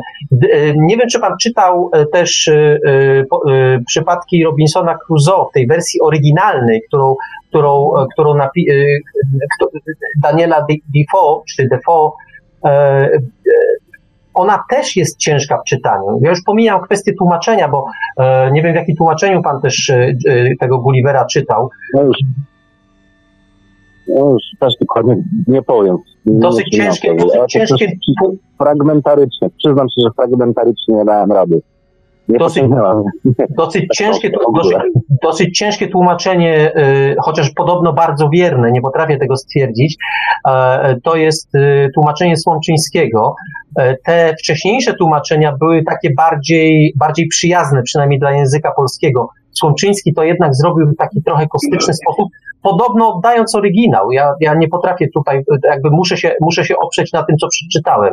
Natomiast zwracam właśnie uwagę, że to nie jest ten, ten, ten XVIII wiek, jak właściwie jego początek, to nie jest ten czas, kiedy, kiedy można oczekiwać po, po jakimkolwiek dziele literackim tej głębi, o której Pan wspomniał, bo ma Pan rzeczywiście rację, dla współczesnego czytelnika no, ważniejsze jest to, e, ta, ta relacja, o której Pan wspomniał, ta, ta możliwość kontaktu z innymi kulturami. Rzeczywiście e, u Swifta jest to coś takiego, jakby no, dzisiaj to się wydaje, jakby to był taki chirurg i opisywał jakąś, jakąś operację. To troszeczkę jest takie to na chłodno, ale jednak jest to, y, mówiliśmy o tym na, na początku, satyra polityczna. I zgadzam się, znaczy ja się w pełni z Panem zgadzam, że to dzisiaj, przynajmniej w części tłumaczeń, czyta się trud, to się trudno czyta, o może tak. To, to, to, to... Ja może jeszcze podkreślę jedną rzecz, że, że ważny jest nie tylko czas, kiedy ta książka powstała, ale również kiedy się ją czytelnik, że tak powiem, kiedy, kiedy w nią trafił. Jakbym, jakbym w tą książkę trafił dzisiaj, to prawdopodobnie też bym ją fragmentarycznie przeleciał, przeczytał i, i, i zarejestrował pewne no, to, o czym jest. Natomiast ja na nią trafiłem, kiedy miałem chyba 9 albo 10 lat, gdzieś w jakiejś tam ogromnej bibliotece ojca, czy czy, czy tego w jakimś zakamarku tej biblioteki wygrzebałem taką książkę z ilustracjami dość niesamowitymi i dlatego też ona do mnie docierała, była fascynująca, chociaż dzisiaj to zdanie mam takie same jak pan, no to jest drętwa mowa, nie? Y, natomiast wtedy to było coś wspaniałego, wtedy przypomnę, nie było jeszcze e, nawet telewizora w Bydgoszczy, kiedy ja tą książkę czytałem. Nie? No, przyznam się, że sięgnąłem po książkę w zeszłym tygodniu. A, Na no potrzeby tak, audycji, żeby się lepiej no tak, słuchało, no żeby tak. się lepiej słuchało państw panów, to chciałem sobie to powtórzyć. Nie, nie przełknąłem tego kompletnie. No, wie pan, y, to tak jest. Ja, czy ja zresztą, y, zresztą uważam, że y, często się tak zdarza, że od jakiejś książki się odbijamy. To nie jest tak, że to y, się panu tylko wydarzyło. Zaręczam, zaręczam y, panu, że mm, kilka razy miałem okazję y, trafić na takie dzieło literackie, y, z którym zmagałem się, zmagałem i poległem. E, I to całkiem, e, mo- może nawet mniej zabytkowe niż to, niż to dzieło Swifta, ale, co więcej, jest ciekawe zjawisko. E, Być może ono również dotyczy książki, książki Podróże Gullivera, że czasami, tak jak Wiktor powiedział, książka powinna trafić w swój czas, bo zdarzało mi się kilka razy odbić od książki, a potem wrócić do niej i ją przeczytać. Z mniejszą bądź większą przyjemnością. To jest jeszcze inna, inna sprawa, ale czasami była mi do czegoś potrzebna i nagle okazywała się jakimś takim źródłem ciekawej informacji. Eee, może to tak, może to tak wyglądać. Ja się kiedyś, Marku, jako dziecko, prawie jako dziecko zupełnie odbiłem od takiej książki jak Eden Stanisława Lema. Dlatego by był taki dręczny. Same jakieś doktor, profesor. No tak, e, oni tam nie mają imion żadnych. W ogóle takie coś i tak dalej. Kiedy, kiedy po dwóch czy trzech latach z nudów, bo już nic nie miałem do czytania, zacząłem tę książkę czytać, to na kolana mnie powaliła po prostu. No tak, ale bo jeszcze, jeszcze a propos e, Jonathana Swifta i podróży Gullivera, e, to jest tak, że ja podpisuję się pod tym, co pan mówi. To się dzisiaj trudno czyta, to już mówiłem. Trudno czyta, ale ja jestem przekonany, że w określonych okolicznościach lektura, nawet fragmentaryczna, części tylko e, z tego, może przynieść sporo satysfakcji. Tam jest na przykład, to jest niewyczerpane źródło cytatów. E, To jest niewyczerpane źródło pewnych refleksji, które pewno mogłyby być zapisane lepiej, mogłyby być zapisane w taki bardziej literacki, płynny, fajny sposób. Ale mimo wszystko tam jest spory ładunek myśli. Marku, przypomnę Ci y, Rable z jego Pantagruelem i, i, i tam. Gargantuo i Pantagruelem. Pantagruelem. To jest, To jest właśnie książka, której ja nie trawię po prostu.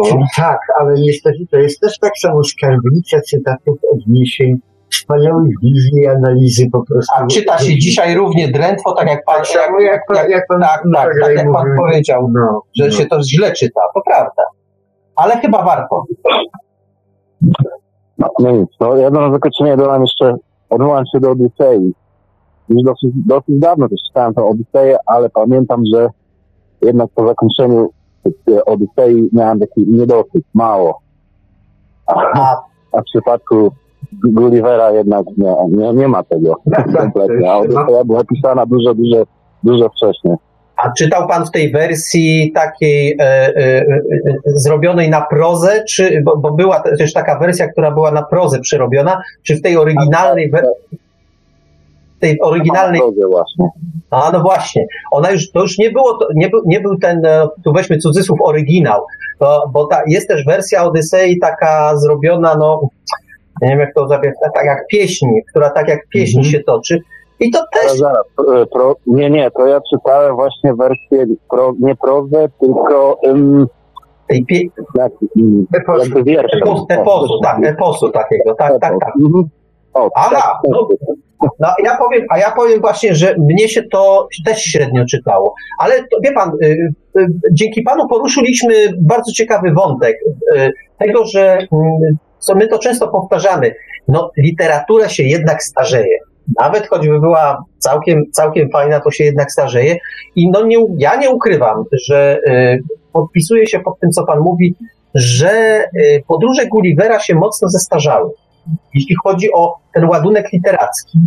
Y, I kiedy ja na początku audycji mówiłem o tym, że współczesna popkultura odarła tę książkę, to dzieło z całej jego głębi, to sobie zdałem wtedy sprawę, ale już, już nie mówiłem, a teraz dzięki panu to jednak wrócę do tego, że żałuję, że nie ma kogoś, kto by to dzieło y, albo przekazał, albo uwspółcześnił w taki sposób, żeby z jednej strony y, było ono w stanie dotrzeć do współczesnego czytelnika, współczesnego oglądacza, bo być może to może powinien być dobry, dobrze zrobiony film. E, Nie ma właściwie tego rodzaju adaptacji. Wszystkie w jakiś sposób spłycają. No i to chyba nie jest dobre. A może by się coś takiego przydało właściwie. No, ja na potrzeby audycji mam odmienne zdanie, może będzie audycja nieco ciekawsza. Nie ma sensu przykład telegrafu uno, unowocześniać i wracać do technologii telegrafu, w dzisiejszych czasach telefony i każdy korzysta z telefonów tak samo. E, no tak, Już, y, ta książka powinna jednak, no brzydko powiem, może odejść do lamusa, do historii jako takiej. Jednak nie warto chyba wracać. Już trzeba coś iść Panie Marku, ale, ale wystarczy, że zabraknie prądu i, i naprawdę przydałby, przydałoby się machanie rękami, tak jak to telegraf kiedyś robił. Byśmy się mogli skomunikować, że tak powiem, z horyzontu do horyzontu. Nie? No ale no tak, no to mamy, mamy, odmie- mamy, mamy odmienne zdania, bo ja na przykład uważam, że e, coś, znaczy może w tej wersji oryginalnej, której, y, o której mówimy, ona może jest ciężka, do, ciężka jest do przeczytania i pewno się dla masowego czytelnika nie nadaje, ale, ale chyba, ja chyba żałuję, że ja myślę, że pomiędzy techniką e, i, i, i literaturą chyba nie ma takiego prostego przełożenia. E, Telegraf rzeczywiście, e, szkoda, e, znaczy nie ma, nie ma sensu go udoskonalać, skoro są inne techniki przekazu. Ja myślę, że literatura chyba nie łapie. Ta, takie jest moje zdanie. Wiesz, e, chciałbym ci powiedzieć, że e, p- powiedzieć wam, że Edison kiedyś był górą, a nagle się okazało, że, e, że ktoś odgrzebał Teslę. No chociaż, no chociaż. No, z techniką była różnie, panie Marku. No tak, chciałem tylko przyrównać. No dobrze, dziękuję. No nic, ja również dziękuję, miło było bardzo. Dziękujemy, dziękujemy. Się. Polecamy się na przyszłość. No. Dziękuję, do usłyszenia. Do usłyszenia. Dobra. No tak, Wiktorze, to wracamy, wracamy do naszego, do naszego dzieła. Trochę mi, wiesz, powiem ci, fajny, fajny ten kontakt y, dzisiejszy, bo y, pozwala tak się nie zachłystywać tym literackim światem. Ja to, ja to mam taką tendencję, żeby się zachwycać. Bo ja Nie, się, no po prostu wiesz, dobrze jest, jak ktoś się przywołuje do porządku. tak, że tak, to powiem. zdecydowanie. Ja się Y, potrafię zagłębiać za bardzo. Ja, te, ja też, e, jak zacznę fruwać, to Tak, myślę, tak, że odloty mamy. Mamy odloty, to zdecydowanie. fruwanie to Znaczy ja powiem, najpiękniejsza ja sztuka, powiem ci tak, a jest również pełzanie przecież. ja mam ogromny sentyment do tej książki. I to zapewne, tak, to jest... to jest- zapewne zaciemnia mi obraz, No, po no. prostu. Y, Ten sentyment powoduje, że ja pewne rzeczy być może widzę bardziej optymistycznie, czy lepiej wyglądają niż one są No ja mam rzeczywistości. Ale zobacz, Marku, jak, jaki, jaki to dziwny obraz. Ja, to, ja też mam sentyment. A jak wygląda mój sentyment? To są te nocniki pełne. No, tego właśnie nie mogę zrozumieć, dlaczego ty się tymi nocnikami zachwycasz. No Tam bo jest to jest naprawdę... sentyment, mam do nich sentyment, wiesz? To ja wolę latające wyspy. Aha, no tak. No widzisz, no, No nie, no proszę cię, no nocniki, no... no no ale trudno, no ja niestety. wiem, i teraz wiem, dlaczego ci Podoba się Gargantua i Pantagruel podoba, po, to, to dziełko podoba Rabelais. Też tak samo. To też obrzydlistwa, tam obrzydlistwo na obrzydlistwie. Jest głęboki. No a jak się dzisiaj czyta, że tak powiem, tego całego, y, raczej tego całego tam, ten, czekaj, co to Francuzi zmajstrowali, tego całego wąchacza jakiegoś tam. No ten, co wącha, te całe, co, co zabija.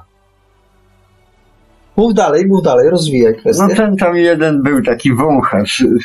Czekaj, czekaj, ten, no wącha tylko trupy. No i co? No i z tego zrobił arcydzieło ten cały. Yy, Nie wiem, to jakiś współczesny, więc ja nie czytam, więc dlatego nie wiem, nie? Ale, ale wie- wiem, że film był taki.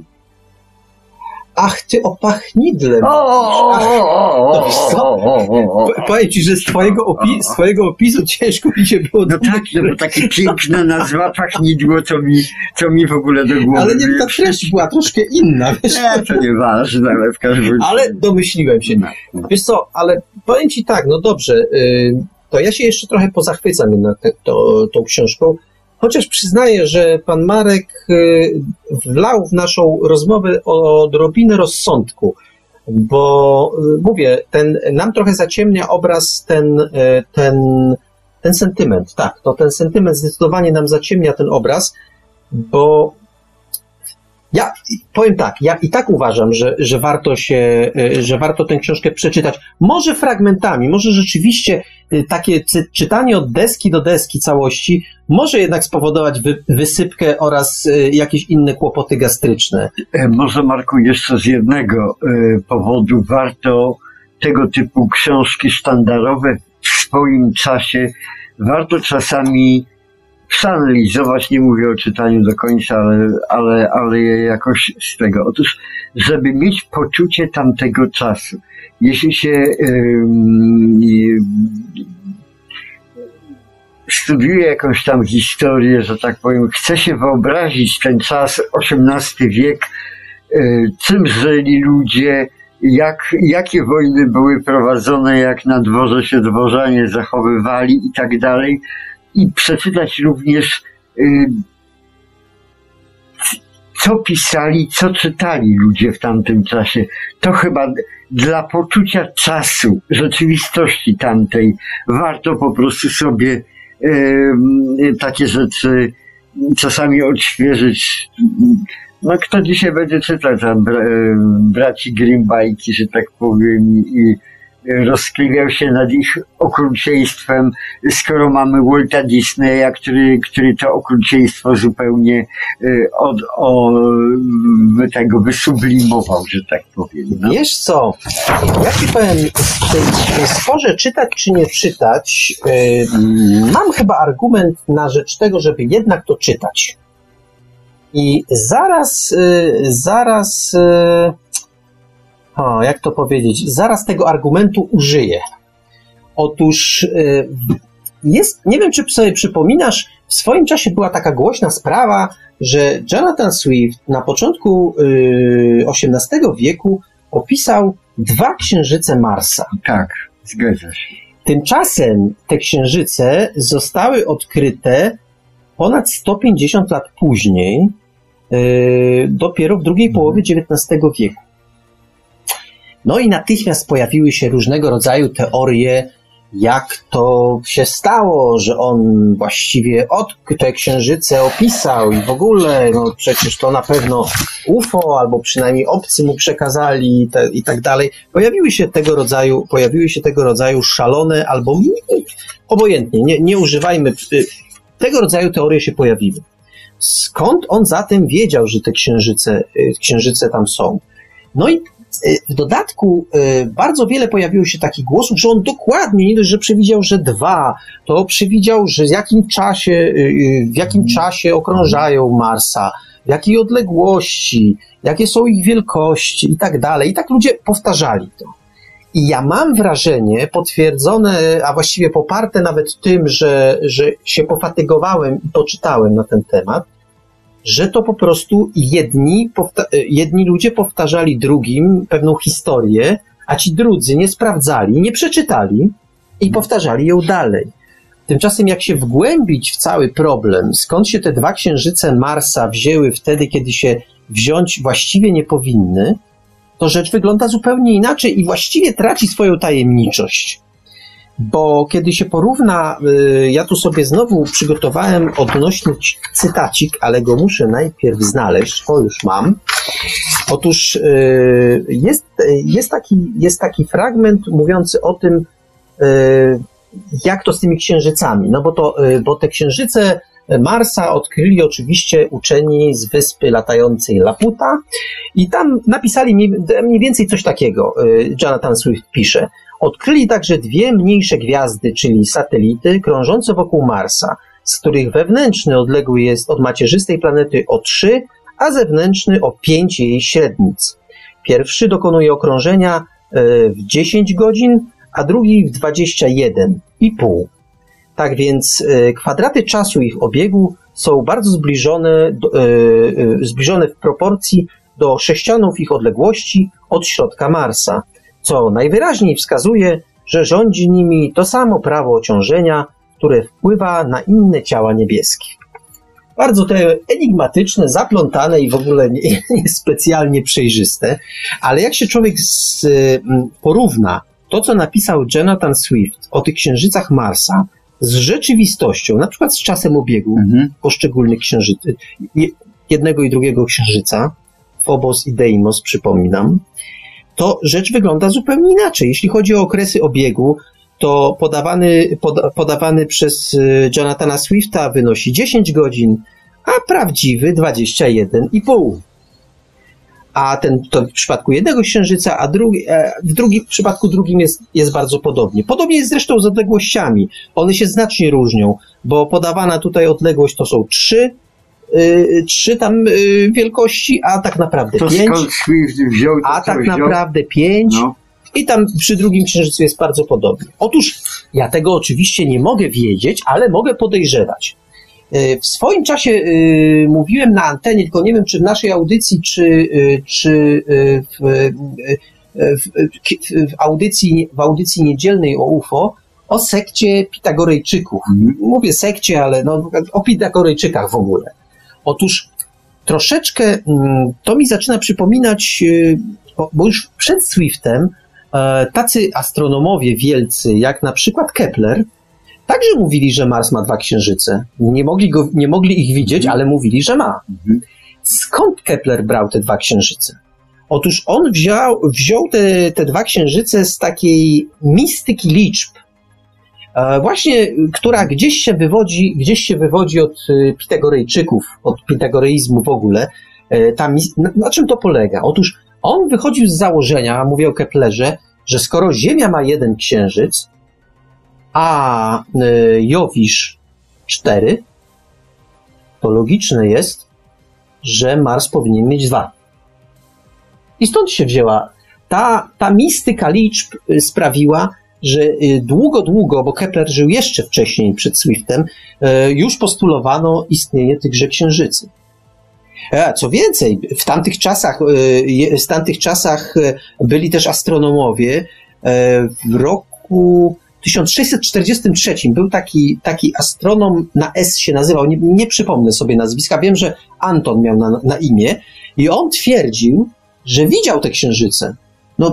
Wyobraźnia ludzka nie zna granic, bo on te księżyce widział, tymczasem dzisiaj wszyscy twierdzą, że przy użyciu tamtego sprzętu te księżyce były po prostu, sprzętu y, ta- tamtejszych, y, ówczesnych lunet, one były po prostu niewidoczne. Nie mogły być widoczne. No ale widzisz, ty yy, rozbijasz jedną tajemnicę, ale natychmiast Tworzy następną. druga. Oczywiście. Bo e, co, a może coś jest nie tak jednak z tą magią liczb Czemu? Może ona rzeczywiście pot- po- potrafi w jakiś sposób odzwierciedlać rzeczywistość, której w ogóle nie postrzegamy, nie widzimy i nie możemy zobaczyć. Wiesz co, No. zważywszy na to, y, ile księżyców ma tak naprawdę Jowisz, No. to ta magia, e, czy właściwie ta mistyka liczb w ogóle się nie potwierdza. W ogóle się nie potwierdza, ale wtedy się potwierdzała. To wtedy jakby świat wyglądał inaczej. No świat bo Jowisz miał cztery księżyce. No wtedy tak, Wtedy, wtedy tak. dla tych ludzi miał cztery księżyce. To też jest dosyć ciekawa, dosyć ciekawa historia, ale ja opowiedziałem tę historię o, Mars, o Marsie właśnie z tego względu, że my dzisiaj żyjemy w takiej kulturze, którą ja bym nazwał kulturą powtarzania. Ktoś coś gdzieś przeczytał u kogoś i powtarza to, ale nie sprawdza w źródłach.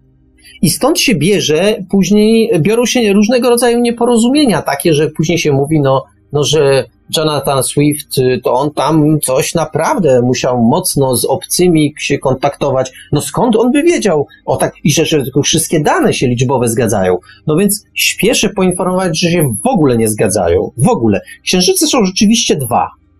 Jeden mniejszy, drugi większy, no zawsze któryś jest mniejszy, któryś jest większy, więc aż, aż takie wielkie osiągnięcie to nie było. Eee, no i już, i po prostu.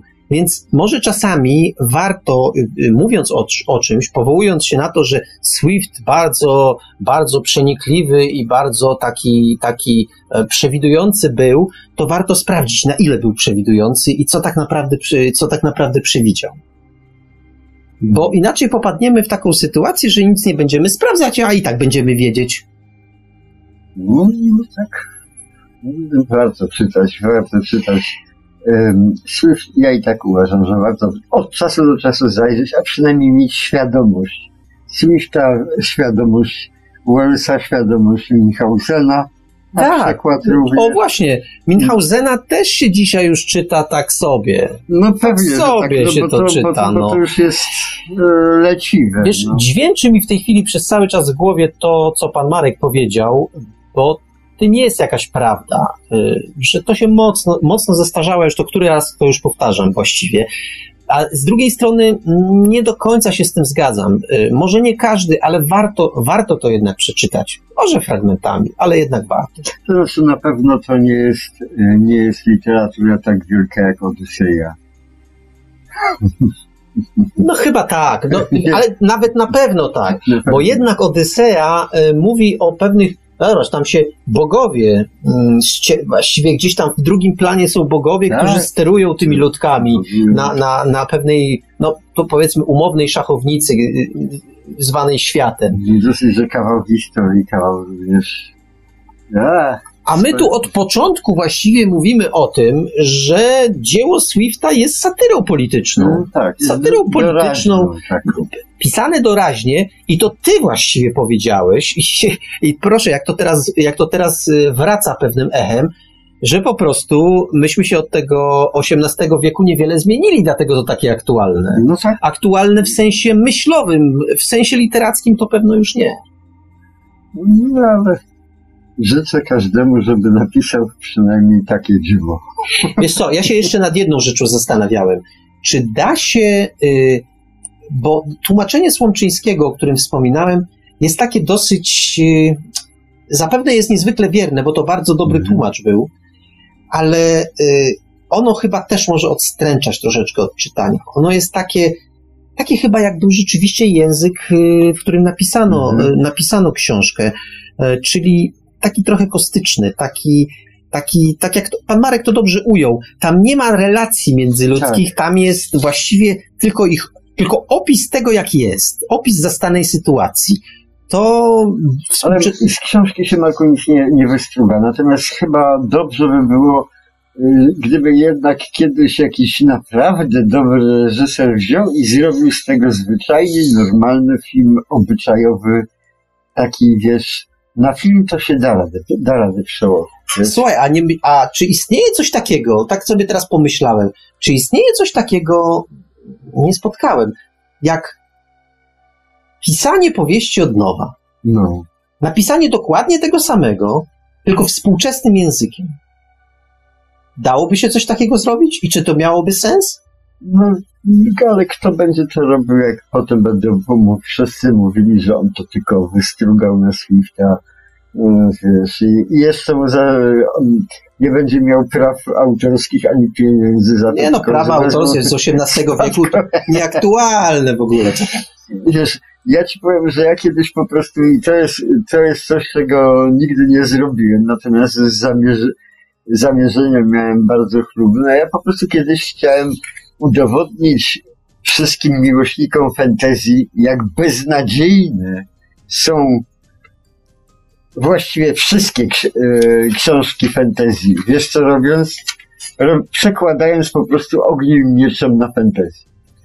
Tak, tylko pod warunkiem, że zrobiłbyś to w taki sposób niemechaniczny. Czyli... No niemechaniczny, przetwarzając po prostu no. całą obyczaj, wszystko, wszystko, wszystko. Bo jak ktoś myśli... Ależ by była powieść. Bo jak ktoś myśli, że się da ogniem i mieczem przerobić w ten sposób, że się tam w pewnym miejscu wstawi krasnale, w nie, pewnym, nie, nie, pewnym smoki, a coś tam nie. Myślę, że to trzeba zrobić inteligentniej, no ale kto wie, kto wie. Może troszeczkę, wiesz, bo język y, Sienkiewicza y, no też się już troszeczkę no zaczyna starzeć. Wiem, starzeć. Tak. Y, ja wiem, że kiedy, prosty eksperyment, no nie, nie, nie dla każdego wykonalny, ale kiedy ja czytałem po raz pierwszy trylogię, to to się dobrze czytało. a kiedy jakiś czas temu zajrzałem do trylogii, to czytało się średnio. Mhm. Nie powiem, że źle, bo jak się już człowiek zapomni i tak pojedzie, to, to się czyta, ale już się tak dobrze nie czytało. Być może to kwestia świadomości, być może to kwestia rzeczywiście zmieniającego się języka.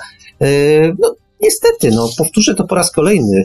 Nic się tak, tak nie starzeje jak literatura. No. I to może jest przykre czasami. Tak myślę sobie. Wiesz, ale to chyba jest szansa na to, wiesz, bo są czytelnicy, pisarze, a jeszcze czeka czas na, na prze, przerabiaczy. No właśnie chciałem cię, bo nie odpowiedziałeś mi na pytanie. Tak nie do końca odpowiedziałeś. Dałoby się wystrugać takiego nowego Gullivera, który na przykład już e, nie odstręczałby tak swoją No ale kostycznością. poczekaj, przecież, przecież w muzyce to już istnieje remake. Marku. No, w filmach, no w filmach. No w filmach też tak samo. Teraz czekamy na powieść, a zaczną ludzie przerabiać powieści na, na, na, stru- na strój naszego współczesnego czasu. Okazuje się nagle, że, że nawet, nawet Beatlesi są do słuchania, jak się ich przerobi. Beatles- Beatlesów nie trzeba przerabiać, można ich słuchać bez No przerabiania. mam, mam, ja też, poczekaj, poczekaj Marku, ja też tak uważam, ale moje córy na przykład powiedziały, że nie, remake, kilka remake'ów jest dużo lepszych. No. Ja, ja ich nie znam, ale ja wierzę moim córom, bo one się Nie wiem. na muzyce. Nie wiem, w każdym razie, okej. Czyli czas przerabiaczy nadciąga. No, Bo wiesz, tak sobie tak się zastanawiam, bo y, y, pan Marek miał rację, kiedy mówił o tym, że trochę brakuje tej psychologii, tej, to, do której to w jesteśmy, ogóle brakuje jesteśmy tego. przyzwyczajeni Tak, do tego tak, we tak, współczesnej tak, literaturze, że jednak bohater ma głębię Mhm. jakąś. I jego, jego adwersarz również jakąś głębię ma. No tak, ale ty zwróciłeś uwagę, że wtedy jeszcze nie było takiej powieści. No nie było. Wtedy było. Powieść jest- współ, taka, jak znamy ją dzisiaj, to nie się istniała. wykluwało. Właściwie było to taką powieścią z, yy, to ja wtedy też mówię i do ciebie Marku i do pana Marka, który do nas dzwonił, że po prostu właściwie, słuchajcie, to yy, ten obraz świata powstawał wyłącznie w głowie czytelnika, po prostu naprawdę pełnowartościowy obraz. Czyli to był takie sygna sygnałówka jakaś taka, tak, taka, taka, taki, taki szkic po prostu y, czegoś. Mm, Te pełne życia, życia powieści to dopiero się gdzieś tak od Zoli Bogiem naprawdę zacznie. Zoli mówisz. Tak na moje oko, albo i, albo się zawsze mylę, ja się zawsze lubię Nie wiem, no ale- wiesz. Ja tam sobie cenię Wiktora i go. No, No dobra, ale powiem tak, y, rzeczywiście wróćmy jeszcze na chwilę do, do, samej, do, samej, do samego utworu. Powiedzieliśmy o tym, o czym, y, jak sobie na przykład, jak, y, jak widzieli prawo mieszkańcy Liliputu. Ale jakby ta krytyka, którą, którą snuje Swift, ona poszła dosyć daleko, bo Swift, Swift w drugiej części, tam gdzie są olbrzymy, ja już mówiłem o tym, o tym władcy, który nie chciał, nie chciał wynala, wy, wy, wynaleźć pro, y, prochu, ale on na przykład, kiedy rozmawia z, kiedy rozmawia z Gulliverem, dziwi się bardzo wielu rzeczom. Na przykład, nie rozumie, skąd y, państwo czerpie zyski. Zobaczcie Państwo, jakie to jest współczesne. Skąd państwo czerpie zyski, E, bo y, z opowieści Gullivera ten władca, władca olbrzymów y, wie, że skarb wydaje więcej niż wpływa do tego skarbu z podatków. Taka ciekawostka. A to przecież robią współcześnie państwa na okrągło. no. Na okrągło. I dziwi się ten olbrzym, dziwi się, jak to jest właściwie możliwe. Dalej, monarcha, ten, ten wielkolud monarcha, nie może się też nadziwić, że e, Anglicy, bo z Anglii w końcu e, Gulliver pochodzi, utrzymują najemną armię wielką. No, imperium sobie zbudowali w końcu, bo e, tego władcy, władcy olbrzymów, chroni, na co, chroni tego władcę pospolite ruszenie. Zobacz, a przecież to był czas, kiedy w Polsce. Ja, zobacz, ja nie wiem na ile Swift znał stosunki europejskie, ale zobacz, e, to był XVIII wiek. E, Polska już nie była taką wielką potęgą, a jednak patrz, tęskno było e, e, jakoś to tak, wiesz, nas, nas, na, w naszym systemie pospolite ruszenie było jednak e, dosyć powszechne, a armie regularne to jednak Anglia. Zobacz, Swift patrzył, może to świadczy o jego naiwności akurat w tamtym czasie, patrzył z jakimś takim, z taką sympatią chyba No, albo- na pospolite albo i- ruszenie. Albo i o naiwności naszej, naszego kraju, który nie utrzymywał Albo też, armii. albo, al, albo też o naiwności samego Swifta, któremu się podobało Tak. coś, bo mu się podobało, a nie bardzo wnikał, nie wnikał w to, do, dokąd to może prowadzić. To też pokazuje, dlaczego warto takie książki czytać, bo okazuje się, że w osiem, na początku XVIII wieku nikt sobie nie zdawał sprawy, że takie lekkie podejście na przykład do obronności, jak prezentowała Polska, skończy się tak, jak się skończy. Ło pod koniec XVIII wieku dla Polski. No i nie tylko Nie, wtedy. Nikt, ale tego nie było widać. Najwyraźniej tego nie było widać, że to prowadzi ku jakiejś przepaści. No, zobacz, to też po, pozwala zrozumieć, że y, jak się jest w swoich czasach, to się pewnych zagrożeń po prostu nie widzi, które dzisiaj dla nas one są oczywiste. Wiesz, w swoich czasach e, również wydawało się na przykład Amerykanom, że siła ich polega na tym, że każdy ma karabin w domu. No i niech przyjdą tam Japończyki albo Niemcy, czy ktokolwiek inny, to my ich rozpuzimy, bo wszyscy mamy szab, e, szab, nie szable, tylko akurat karabiny w domu, nie? Nagle się okazało, że niestety to jest mało, nie? Mieć szable w do, przy pasie albo, albo karabin w domu. Trzeba mieć również regularną armię. Ale z drugiej strony mamy, Szwajcar mamy Szwajcarię, gdzie każdy ma w domu karabin i jeszcze puszkę za, zalutowaną z nabojami i jakoś się to toczy. No tak, ale Szwajcaria ma przede wszystkim, Szwajcarii bronią nie- jest armia, tylko banki po prostu. A poza tym powiedz mi, kto by ten Szwajcarię najeżdżał? No Powiedz chyba, mi, że jakiś miłośnik seru. No, być może. W każdym razie, a wróćmy jeszcze do, wr- wróćmy jeszcze do Swifta, bo tam e, na przykład Władca Olbrzymów mówi coś takiego. Jak wysłuchał opowieści Gullivera, mm, to stwierdził, że najwyraźniej w Anglii liczy się nie tyle sprawiedliwość, o której tam dużo mowa, dużo rozmawiali, i uczciwość, ale e, w karierze tak naprawdę pomagają nie te dwie cechy, tylko występek, lenistwo i niewiedza. No patrz jakie współczesne.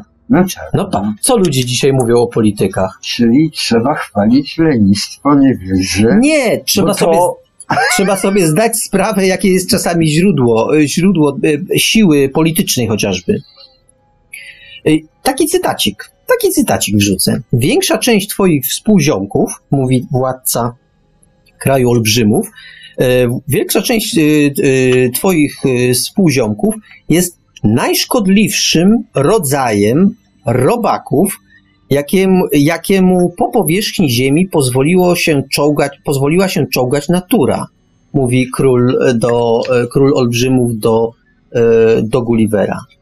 No, chyba Gulliver jednak nie lubił tej, tej, tej ówczesnej klasy politycznej. No zobacz, no nie koniecznie darzy ich sympatią, prawda? widocznie, że tak powiem, nie był po tej stronie, po której chwalenie daje zysk.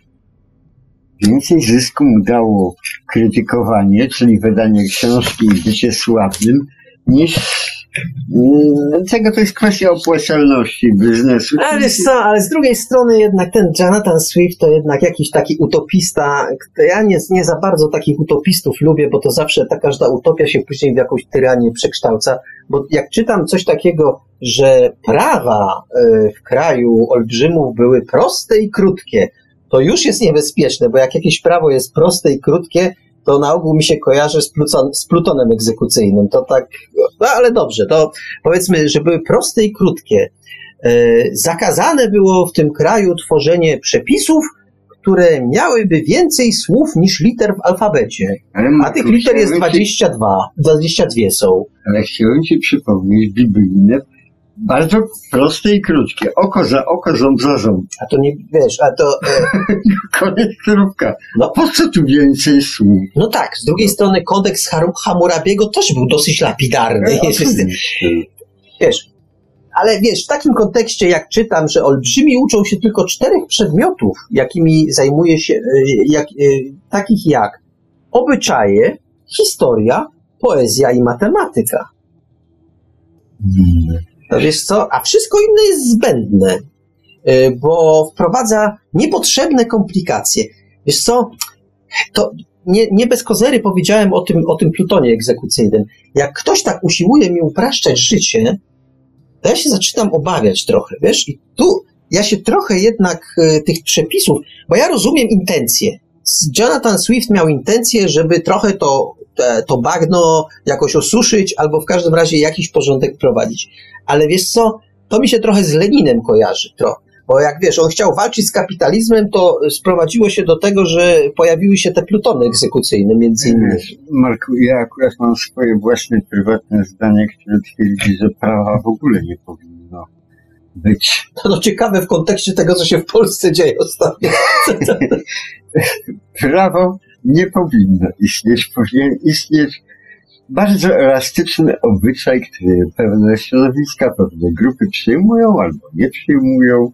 To jest wiesz, tak tam płynąć jak ten Kolumb albo Magellan, proszę cię, przed siebie, kole, kolebiąc się na morzu. Tak się żyje. Sorry, tak... nie, sorry, nie wejdę z tobą w, tą, w tę dyskusję, bo jak ja sobie wyobrażę, jak y, karani byliby y, na przykład zabójcy w takim, w takim, w, w takim kraju bez, y, bez prawa, a za to z obyczajem, to... No jak to normalnie? Zabójca jest karany śmiercią. A, nie, a ty wiesz, że ostatnio y, papież Franciszek y, powiedział, że kara śmierci jest niedopuszczalna? A pan... Zmienił katechizm. To papież Franciszek może sobie, że tak powiem, jeść ręki współczesności, ale ja nie. A, to ty kwestionujesz autorytet papieża. No dobrze. Odpowiednie służby w odpowiednich y, rubryczkach już to zapisały. No, nie, no kpię oczywiście, ale, ale wiesz, coś takiego. Powiem ci tak, że naprawdę w tym momencie, kiedy przeczytałem to u Swifta, to naprawdę wydało mi się to niebezpieczne. Ja się boję prostych metod, prostych recept. Powtarzam, to skojarzenie z Leninem, Wszystkie problemy, problemy Rosji zaczął załatwiać dzięki ciery zwyczajce. Przypomnę, dzięki... ci, przypomnę ci, że tak powiem, nasze dyskusje. Otóż ty się boisz prostych tak, nie? Tak. Tak? No to ja ci powiem, czego, czego ty jesteś w tej chwili zwolennikiem, Marku? To jest kobieta, a to mężczyzna. To jest proste. Ale nie wszystko, teraz... się, nie wszystko się da sprowadzić do... Nie, nie, nie, nie, nie, nie, nie, nie, nie. A ty byś wprowadził tu wieloznaczność, tak? Nie, broń Boże. Stopnie, gradacje, nie, nie, nie. Ja... formy tak, przejściowe. płci, to nie ze mną. Nie, nie, Jak to nie? Nie, nie, nie. Żadnych 60 płci to sobie to jest może. Jak to nie? Przecież nie jesteś zwolennikiem prostoty. A ja tu właśnie mówię, to jest najprostsza Dobrze, rzecz. wiem, że chwytasz mnie w tej chwili po linii logiki. Dobrze, nie jestem zwolennikiem.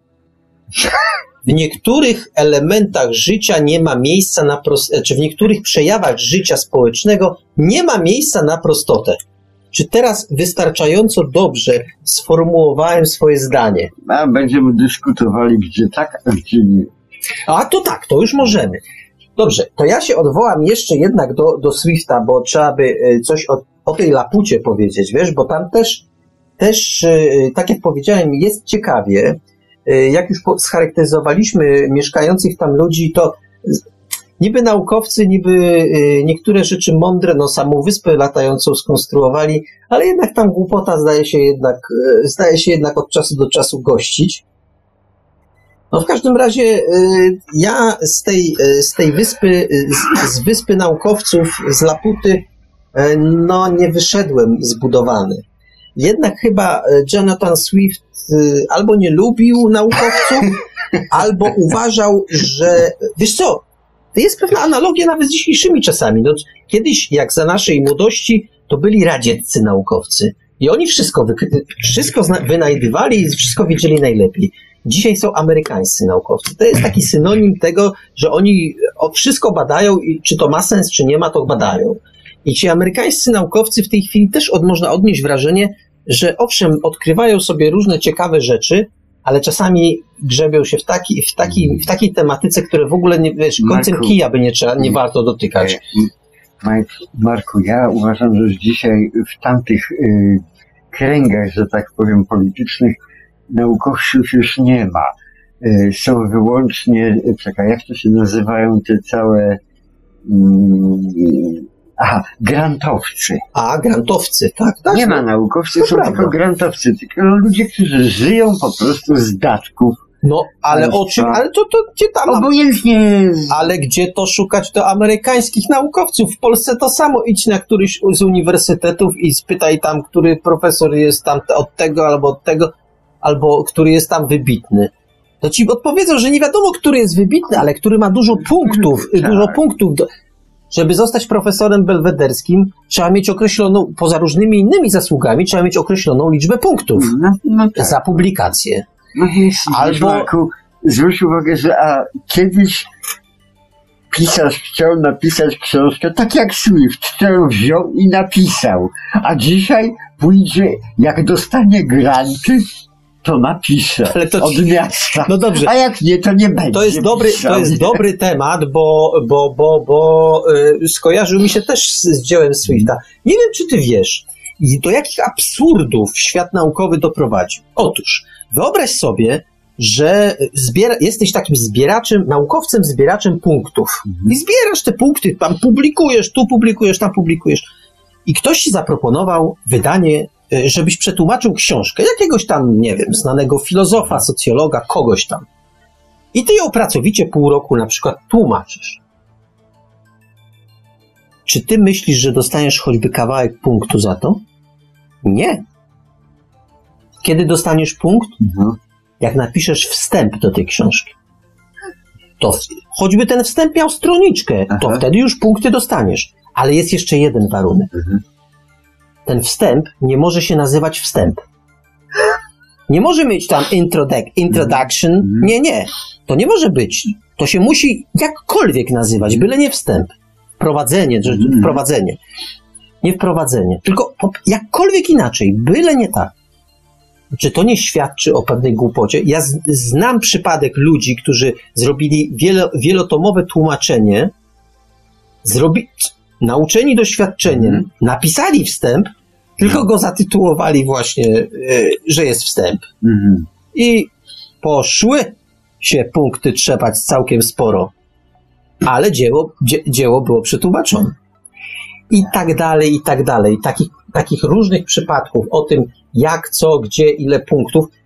To dobrze, to, że to poruszyłeś. Na tym się naukowcy skupiają. Ile punktów dostanie? Mhm. Powtarzam, ja rozumiem, że taki system jakiś yy, punktowania, jakiegoś, jakiejś weryfikacji musi istnieć. Ja to rozumiem. I nie kwestionuję tego. Ale jeśli taki system staje się celem samym w sobie, te punkty stają się celem samym w sobie, to to jest już patologia. Wiesz, kiedyś takim, takim dla uczonych, jeszcze nawet dla alchemików i dla uczonych, którzy po alchemikach zajęli ich miejsce, takim em, przełożeniem na tego był po prostu roz, em, za, rozpoczynający swój byt przemysł po prostu, który kupował albo nie kupował. Zgoda. No. Zgoda, ale jeszcze wcześniej było coś, co mnie znacznie bardziej imponuje, No. chociaż to, co ty powiedziałeś, jest, świadczy o tym, że naukowcy powinni tę żyłkę, żyłkę do cudzysłów interesów też mieć. Też mieć. Tak, oczywiście, ale wcześniej było Mhm. jeszcze coś takiego jak chęć tego, żeby wiedzieć. Mhm. Y, To, że gdzieś coś jest za horyzontem i warto to Tak, odkryć. I tak dalej, i tak dalej. No to była, to była, dla mnie to jest kwintesencja Marsz nauki. po wiedzę, a nie marsz po punkty, tak? Albo po granty. Albo po, Albo po grant. granty. Piękne to słowo, granciarze. Granciarze, tak. No ale wiesz, no, to, to jest po prostu inna strona medalu, bo y, Swift y, w tej lapucie opisuje, y, zobacz tam w tym wierszu Kaszmarskiego, ludzi, którzy badają coś, a tak naprawdę y, y, nie, te badania są tak oderwane od rzeczywistości, od codzienności, Mhm. że tak, że ten cytat, że nie wiedzą jak zabezpieczyć studnie, nie wiedzą jak bułki wypiekać, ale kombinują, jak e, zrobić, zrobić z, z wydalin żywność. Bo po co piec bułki, skoro można to odwrócić? No, No tak. No, pięknie. Nie bez przyczyny mówi się o problemach akademickich, prawda? Mhm. Są problemy i są problemy akademickie. I to chyba nie jest komplement. Ale powiem, mówiliśmy, mówiliśmy jakiś jeszcze, mówiliśmy troszeczkę o tym, o tej ostatniej części, o tej krainie, krainie koni. I powiedzieliśmy o tym, że tam to jest raj na ziemi. Tam widzisz, tak jak, jak, jak już Swift ruszył to, y, te, y, to pospolite ruszenie, to wiadomo było, że dojdzie do Polski pełną gębą. Kraina koni, przecież to o Polsce mowa. No Wiesz, ale to były inteligentne konie w jego utworze. No właśnie. No dobrze, ale Tu nawet konie były inteligentne. nawet konie były. No okej, ale ci Jachusi mnie martwią, bo, bo oni tam byli słabo inteligentni. No Ale bo, tak, ale bo u wróćmy- nas tylko myśmy koni stali przecież. Ale wróćmy, wróćmy jeszcze na chwilę do tych mądrych koni, bo tam jest dosyć ciekawy, ciekawy wątek. Tak jak powiedziałem, jawi się w pewnym momencie ta kraina jako raj na ziemi, bezkonfliktowo. Yy, wszyscy żyją w, pewnej w pełnej harmonii. Yy, nie ma tam jakichś takich ludzkich przywar. No właśnie. Właśnie. To Polska. Tak. Prawda. I główny bohater Gulliver jest zachwycony. Jakżeż fajne miejsce. Osiedla się w Mhm. domku w pobliżu swojego przyjaciela, no jakkolwiek to zabrzmi, konia, inteligentnego, Mhm. ale konia, i wszystko wydaje się ok. A w pewnym momencie mądre konie dochodzą do wniosku, że niegodnym, nie godzi się, żeby y, człowiek, który przypomina im tego Jachusa, czyli tego dzikiego, dzikiego człowieka o takich różnych przywarach, o których za chwilę, nie godzi się, żeby się przyjaźnił z koniem. No i Gulliver musi wypierdzielać z kraju mądrych koni. Zobacz, konie też były rasistami. No tak, no, to jest ewidentna aluzja do, do, do y, mm, semickiego osadnictwa na ziemiach polskich Ale ty już pierdzielisz, przepraszam, no ale to są jakieś i potem jak to się skończyło po prostu. No niestety konie wzięły górę, nie? Wiesz co, bo to znowu się potwierdza, ta część dotycząca mądrych koni, potwierdza się, y, potwierdza się taka, taka zasada, że jeśli jakiś autor przedstawia utopię, bo ta część czwarta to jest ewidentna utopia. Utopia, czyli e, jeżeli dobrze pamiętam, miejsce, którego nie ma, to chyba tak się to, chyba tak się, tłumaczy, tak się to tłumaczyło. e, To, ale to gdzieś tam w założeniu, jak sobie człowiek pomyśli o tym, że miałaby jakakolwiek utopia się zrealizować, to ciarki powinny Wiesz, po, po e, krzyżu przechodzić. utopia to nie jest miejsce, gdzie, gdzie, gdzie, którego nie ma, tylko miejsce, w którym się można utopić. No. Dobrze, to takie tak zwane e, ludowe tłumaczenie. Okej. W każdym razie utopia, m, tak sobie sprawdza. Tak, miejsce, którego nie ma. To termin stworzony przez, e, przez Tomasza Morusa. no tak. Tak, to on, on, sobie, on sobie to e, na przełomie XV i XVI wieku coś takiego, takiego ukuł. E, I no wiesz, to, to, później były inne różne, różne utopie. E, czy- to Campanella, Miasto Słońca, czy wiesz co, ale zobacz, jest rzeczą charakterystyczną, że XX wiek już właściwie utopie się nie pojawiają, raczej się pojawiają dystopie, czyli pokazanie, dokąd takie rzeczy prowadzą. I ja się boję, że y, tylko zastanawiam się, na ile Swift robił to świadomie. Chyba, chyba świadomie. Pokazał, że ta utopia mądrych koni tak naprawdę też prowadzi do jakiegoś rodzaju zamordyzmu. Zobacz, pozbyły się tego biednego ludzika, posłały go, no nie wiem, czy, czy człowieka można posłać na zieloną trawkę, ale go w każdym razie oddaliły. Oddaliły go stamtąd. To chyba nie, nie zabrzmiało optymistycznie, co? No to nie ma. Nie ma niczego na świecie, co jest proste, jasne, łatwe, a przede wszystkim trwałe. To, co dzisiaj jest piękne, jutro będzie brzydkie, to, co dziś jest młode, jutro będzie stare. Ech, to, co dzisiaj jest prawdziwe, jutro będzie kłamliwe, Marku. Tak niestety jest. Ja nie bardzo, nie bardzo rozumiem, do czego, tak, do czego ty prowadzisz. To znaczy, prowadzę do tego, że niczego nie ma, że tak powiem, trwałego na świecie. Mm, I z tym trzeba się pogodzić. No zobacz, trzeba żyć. ale no dobrze, dobrze, bo to tak wszystko gładko i na okrągło. Ja wrócę do tej krainy koni. No, władcy tej wyspy uświadamiają Gulliverowi, że, y, to, że tym kraju nie istnieje kłamstwo. Że w ich kraju nikt nie kłamie, y, bo y, mowa używana jest tylko do przekazywania wiedzy, a wiedza to prawda.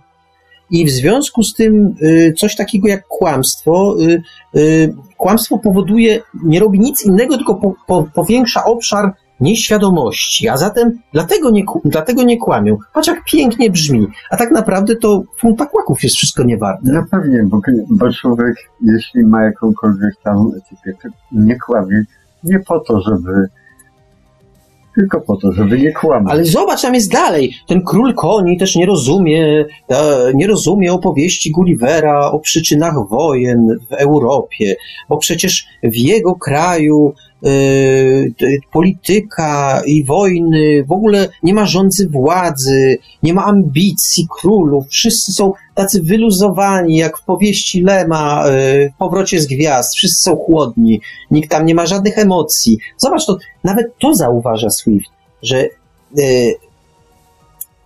żeby, żeby, żeby coś się działo, żeby, że polityka to są emocje.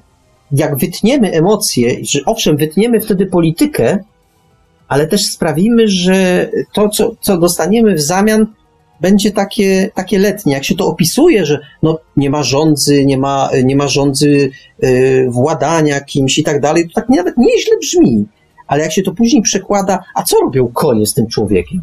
Wywalają go, wypierdzielają, to to nie jest jakieś oddziaływanie jednak poli- no, polityczne, to może za dużo powiedziane, ale jednak, yy, jednak sprzeniewierzenie się temu, co wcześniej głoszą? Niby tak. Niby tak, ale nie jestem tylko pewien. Ale zobacz, bo tam wcześniej mówiliśmy o korupcji, jak on w Lilipucie przedstawia te, ten, te korupcje, te zakulisowe, zakulisowe działania.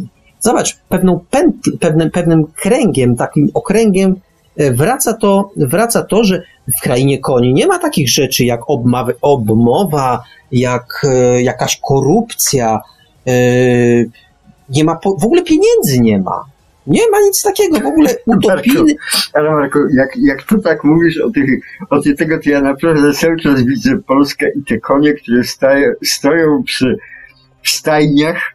Nie ma tam pieniędzy ani niczego, tylko dostają siano, jedzą, nie ma polityki, nie ma niczego, po prostu tylko stoją i żrą to siano po prostu. A ja się nie dam tak załatwić, nie. dam się tak załatwić, bo być może oczywiście to żartobliwie tak potraktujmy. Dla mnie ten fragment o tych koniach, czyli końcowy, świadczy o tym, że Swift nie był taki głup, nie był takim głupkiem, jak go na początku usiłowaliśmy zrobić. Że on miał jednak, się- kiedy, kiedy mówiliśmy o tym, że on tam krytykuje tę Anglię, że tam korupcja i tak dalej, że zobacz, on wraca i No. pokazuje, że wyeliminowanie takich zjawisk także do niczego nie prowadzi. No tak. I za to chociażby, za to, że on e, potrafił analizować e, swoją wypowiedź, swoją literacki, swój literacki utwór na tyle dogłębnie, że potrafił, pewne koło się pojawia, że on wychodzi od krytyki, ale dochodzi do tego, że ta krytyka, e, a, że, że wyeliminowanie tego nic nie zmieni. Bo zobacz, dla mnie jest to, to, podsum- to, co się dzieje na końcu, że te fajne konie w tym utopijnym kraju końskim, a jednak biorą za tyłek Gullivera i go wywalają. Gdzież tolerancja? Gdzież umiłowanie wolności? Żeby ci przypomnę, co, co zrobiła rewolucja francuska. Ścięła głowy jednym, po czym ustawiła swoich baronów, że tak powiem. I Nic się nie zmieniło po prostu, bo na świecie się nic nie zmienia. Nie, no to i tu należałoby przynajmniej przyznać Swiftowi, że on jednak głębiej analizował, niż można by wysnuć Znaczy, po początkowym. Zobacz, bo y, po, mówiliśmy na początku audycji, że najczęściej czyta się albo e, e, robi wersję dla dzieci, albo filmuje pierwsze dwie podróże. czyli Lilliput i e, kraj e, olbrzymów. Bo tam to widać najbardziej, że raz, raz jesteś mały, raz jesteś duży, raz jesteś e, na górze, raz na dole i tak dalej. A tymczasem dopiero kiedy się zobaczy całość, to zobaczyć, zobaczyć można, że to, co napisał Swift, nie jest miałkiem, nie jest miałką prostą przypowiastką o tym, że jest źle, a powinno być dobrze. On pokazuje, że jest źle, a nie wiadomo, czy może być lepiej. I to jest, i to jest, i jeśli, jeśli miałbym znaleźć jakiś element psychologii, nieobecny, to prawda, tak jak pan Marek miał rację. Jeśli miałbym jednak znaleźć jakiś element psychologii w tym wszystkim, to właśnie taki, że Swift to po prostu widział. Ale też ja, ja ci powtórzę to, co powiedziałem, że po prostu w ten sposób ta właśnie książka była kiedyś odbierana psychologię dodawał czytelnik po prostu. Obrazy dodawał czytelnik. Telewizji nie było, ilustracje były kiepskie. Tak, to prawda. Lepsze. Czytelnik dodawał wiele rzeczy, a przeczytało, tą książkę czytało wiele pokoleń e, Europejczyków, które potem tą Europę stworzyły taką, miałem już, mamy dzisiaj. Miałem już tego nie mówić, ale jednak powiem, to, po, to e, bo e, dzieło Swifta było, e, i to się zresztą nawet potwierdza, e, podróże Gullivera były natchnieniem, o jak to brzmi, natchnieniem dla innych pisarzy e, ówczesnego, ówczesnego czasu i takim pisarzem był między innymi Voltaire, o ile dobrze sobie przypominam. On stworzył taką postać, która się nazywa, e, a to muszę do ściągi zajrzeć, Mikromegas. I tak brzmi, e, Mikromegas, e, to dzieło brzmi Mikromegas, historia filozoficzna. I to zostało wydane przez Voltera w roku 1752, więc jakieś 40, no nie, jakieś, ja powiedzmy ćwierć wieku później. I tam są nawet bardzo podobne, bardzo podobne fragmenty y, y, dotyczące właśnie y, inspiracji. No właśnie to, że inspiracja jest, to jest oczywi, oczywista, że, że, że, że było dzieło Swifta. I on tam y, pisze o Europie, o świeceniu. W warstwie, fabu, w warstwie fabularnej y, to tam jest największy problem, y, a właściwie takie podobieństwa, które, które widać, E, to jest spotkanie olbrzyma tego mikromegasa, jego towarzysza, towarzysza z mikroskopijnymi ludźmi. E, I tam sobie to Voltaire rozgrywa, tylko powiem ci tak, to jeśli ja już miałbym wybierać, to ja wolę jednak tego Swifta od Voltaire. Zdecydowanie. Zdecydowanie, bo Voltaire to już robił taką typową politykę, typowe, typowe sobie zrobił e, takie, no zresztą jak to Voltaire. Voltaire był mhm. bardzo zaangażowany i Voltaire to tam właściwie chyba bez bez y, jakiejś tam takiego podtekstu typowo politycznego, to właściwie chyba nie siadał i nie pisał w ogóle nic. Także jeśli, jeśli już miałbym wybierać, to jednak, to, to jednak zdecydowałbym się na oryginał, a nie na, nie na podróbkę.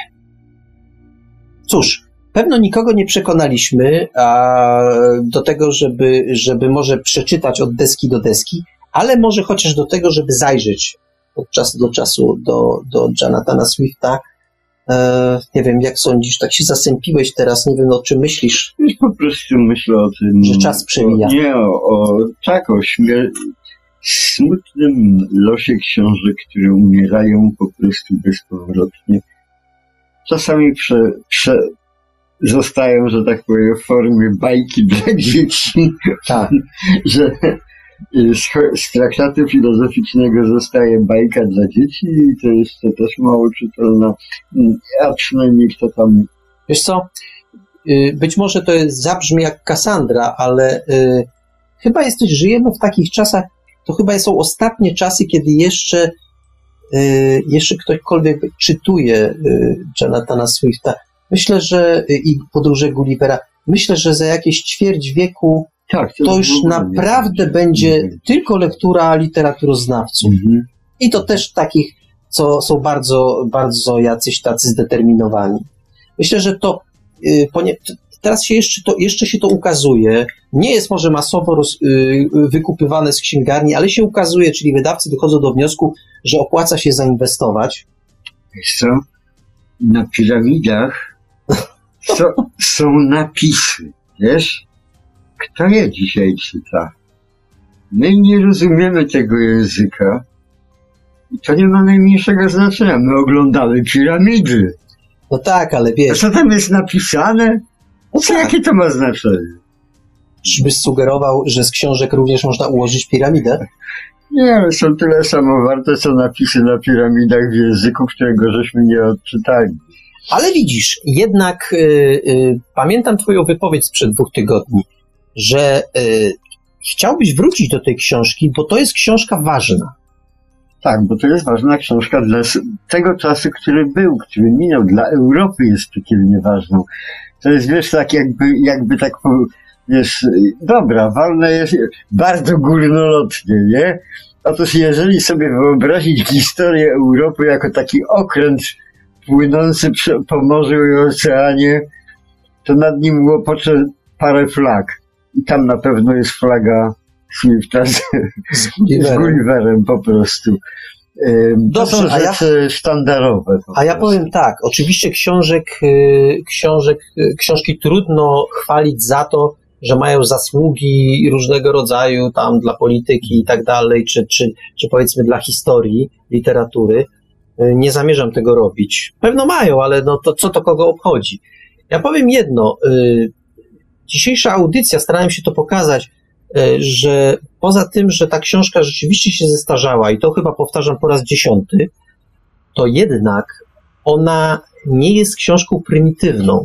To nie jest książka prymitywna, bo tak się może zda, zdarzać, y, zdawać, bo znając literaturę XVIII-wieczną, tam było sporo tak zwanych powiastek filozoficznych. To Voltaire zresztą, to wspomniany niedawno Voltaire, specjalizował się w pisaniu powiastek filozoficznych. Jak kiedyś powiedziałem jednemu z profesorów o powiastce filozoficznej, to mu się tak oko szeroko odemknęło. Mówi, Panie Żelkowski, pan zechce mi wytłumaczyć, co to jest ta powiastka filozoficzna? No to jak mu wytłumaczyłem, o co chodzi, powiedział, a, to o to panu chodziło, no to dobrze, że mi pan to wytłumaczył.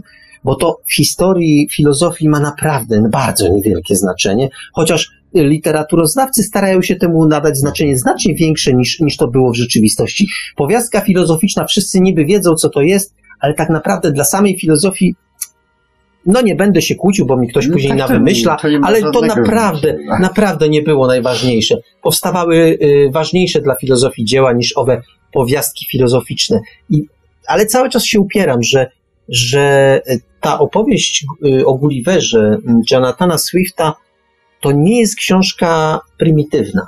To jest książka, która jednak dostrzega złożoność rzeczywistości, a to właśnie u Voltera były pewne uproszczenia. Swift widział, że rzeczywistość, rzeczywistości nie da się naprawić jednym dekretem albo, jed, y, albo powiedzeniem, że powinno być dobrze, bo jest źle. Chwała mu, przynajmniej, przynajmniej za to. Ale zobacz, jakiś dziwny paradoks, że zobacz, rzeczywistość, powiedziałeś, rzeczywistości nie można naprawić jednym dekretem. Ale rzeczywistość można wspaniale zepsuć jednym Ach, dekretem. to znakomicie można, nie tylko czymkolwiek, jakimkolwiek aktem prawdy. Czyli psucie jest o wiele prostsze od... No tak, No tak, no to, wspaniale. Czyli należy iść po... Y, proste rzeczy są najskuteczniejsze po prostu. Wiesz co, obawiam się, że zaczynamy już mówić dziwne rzeczy, dlatego to jest najlepszy czas, żeby kończyć audycję, póki jeszcze nie zaczniemy bredzić. Eee, cóż, dziękujemy bardzo, bardzo serdecznie za wysłuchanie naszych kilku refleksji, mniej lub bardziej mądrych, Tak, na temat Jonathana Swifta i jego podróży Gullivera. ja zakończę moją ostatnią refleksję, jak powiedziałeś przed chwilką, że ta książka się bardzo zestarzała, to pomyślałem o sobie, chyba uważam, że jednak jest młodsza ode mnie. Dobrze. Nie będę komentował, bo w, żaden, w żadną stronę nie wypada mi komentować. Y, Cóż, dziękujemy za dzisiaj. Mm, Za dwa tygodnie zapraszamy na książkę, którą już zapowiadałem dwa tygodnie wcześniej. E, Wiktor dokonywał wyboru, no to teraz czas na tę drugą książkę, czyli ksi- książka zatytułowana Podróż autora. Jej, y, Podróż autora, a jej autorem jest e, Christopher Vogler. To jest człowiek, to nazwisko może Państwu niewiele mówić, ale to jest facet, który po Hollywood się, Hollywood się kręcił i to z dużym rozmachem. E, pod słowem kręcił należałoby rozumieć, że pisał scenariusze, brał udział w ich realizacji i w ogóle wie o co w tym wszystkim chodzi. Podtytuł tej e, książki, którą będziemy omawiać, czyli Podróż autora, jest nieco odstraszający. Ten podtytuł to Struktury mityczne dla scenarzystów i pisarzy. Zaręczam, że książka nie jest tak drętwa jak, e, jak ten podtytuł, a o tyle warto po nią sięgnąć, że to właściwie będziemy w bibliotekarium robili takie, e, taki aneks do ABW. Bo to jest książka, która jest, z której przyszły pisarz, przyszły scenarzysta e, może bardzo wiele wyczytać, bardzo wiele się nauczyć, ale to nie jest książka wyłącznie dla scenarzystów i pisarzy. To jest książka, która pozwoli nam zrozumieć, jeśli się w nią wgłębimy, że wszystkie opowieści, które czytamy, nie wiem, e, powieści Kobena, czy powieści, nie wiem, jakieś współczesne Tess Gerritsen, czy, czy powiedzmy no, wszystkie, wszystkie te współczesne kawałki, które lubimy czytać, czy to będzie sensacja, czy to będzie fantastyka, czy to będą jakieś inne, inne bestsellery, to tak naprawdę e, da się sprowadzić do pewnej struktury mitycznej, która właściwie jest ileś tam jej rodzajów, i pozwoli nam to w przyszłości, jeśli będziemy czytać książkę, przyznam, że to było dla mnie zaskoczenie, że właściwie opowieści, które mamy do dyspozycji, jest ich, nie wiem, kilkanaście, może kilkadziesiąt, ale w gruncie rzeczy jest to katalog zamknięty. Cały czas kręcimy się w kółko. Nic nowego nie odkrywamy. Cały no. czas snujemy tę samą opowieść. Y, jak to, jak, jak to mówię w tej chwili, to każdy mówi, o, tu, tu się puknij, tu, tu się człowieku puknij. No, mogę się puknąć bardzo chętnie, ale to już po audycji, bo będzie słychać za mocno. Natomiast, y, natomiast, bo pusta głowa, no to będzie duże echo. Natomiast, y, natomiast chodzi o to, że y, autor, czyli ten Christopher Vogler, on naprawdę to pokazuje. Mhm, pokazuje po prostu.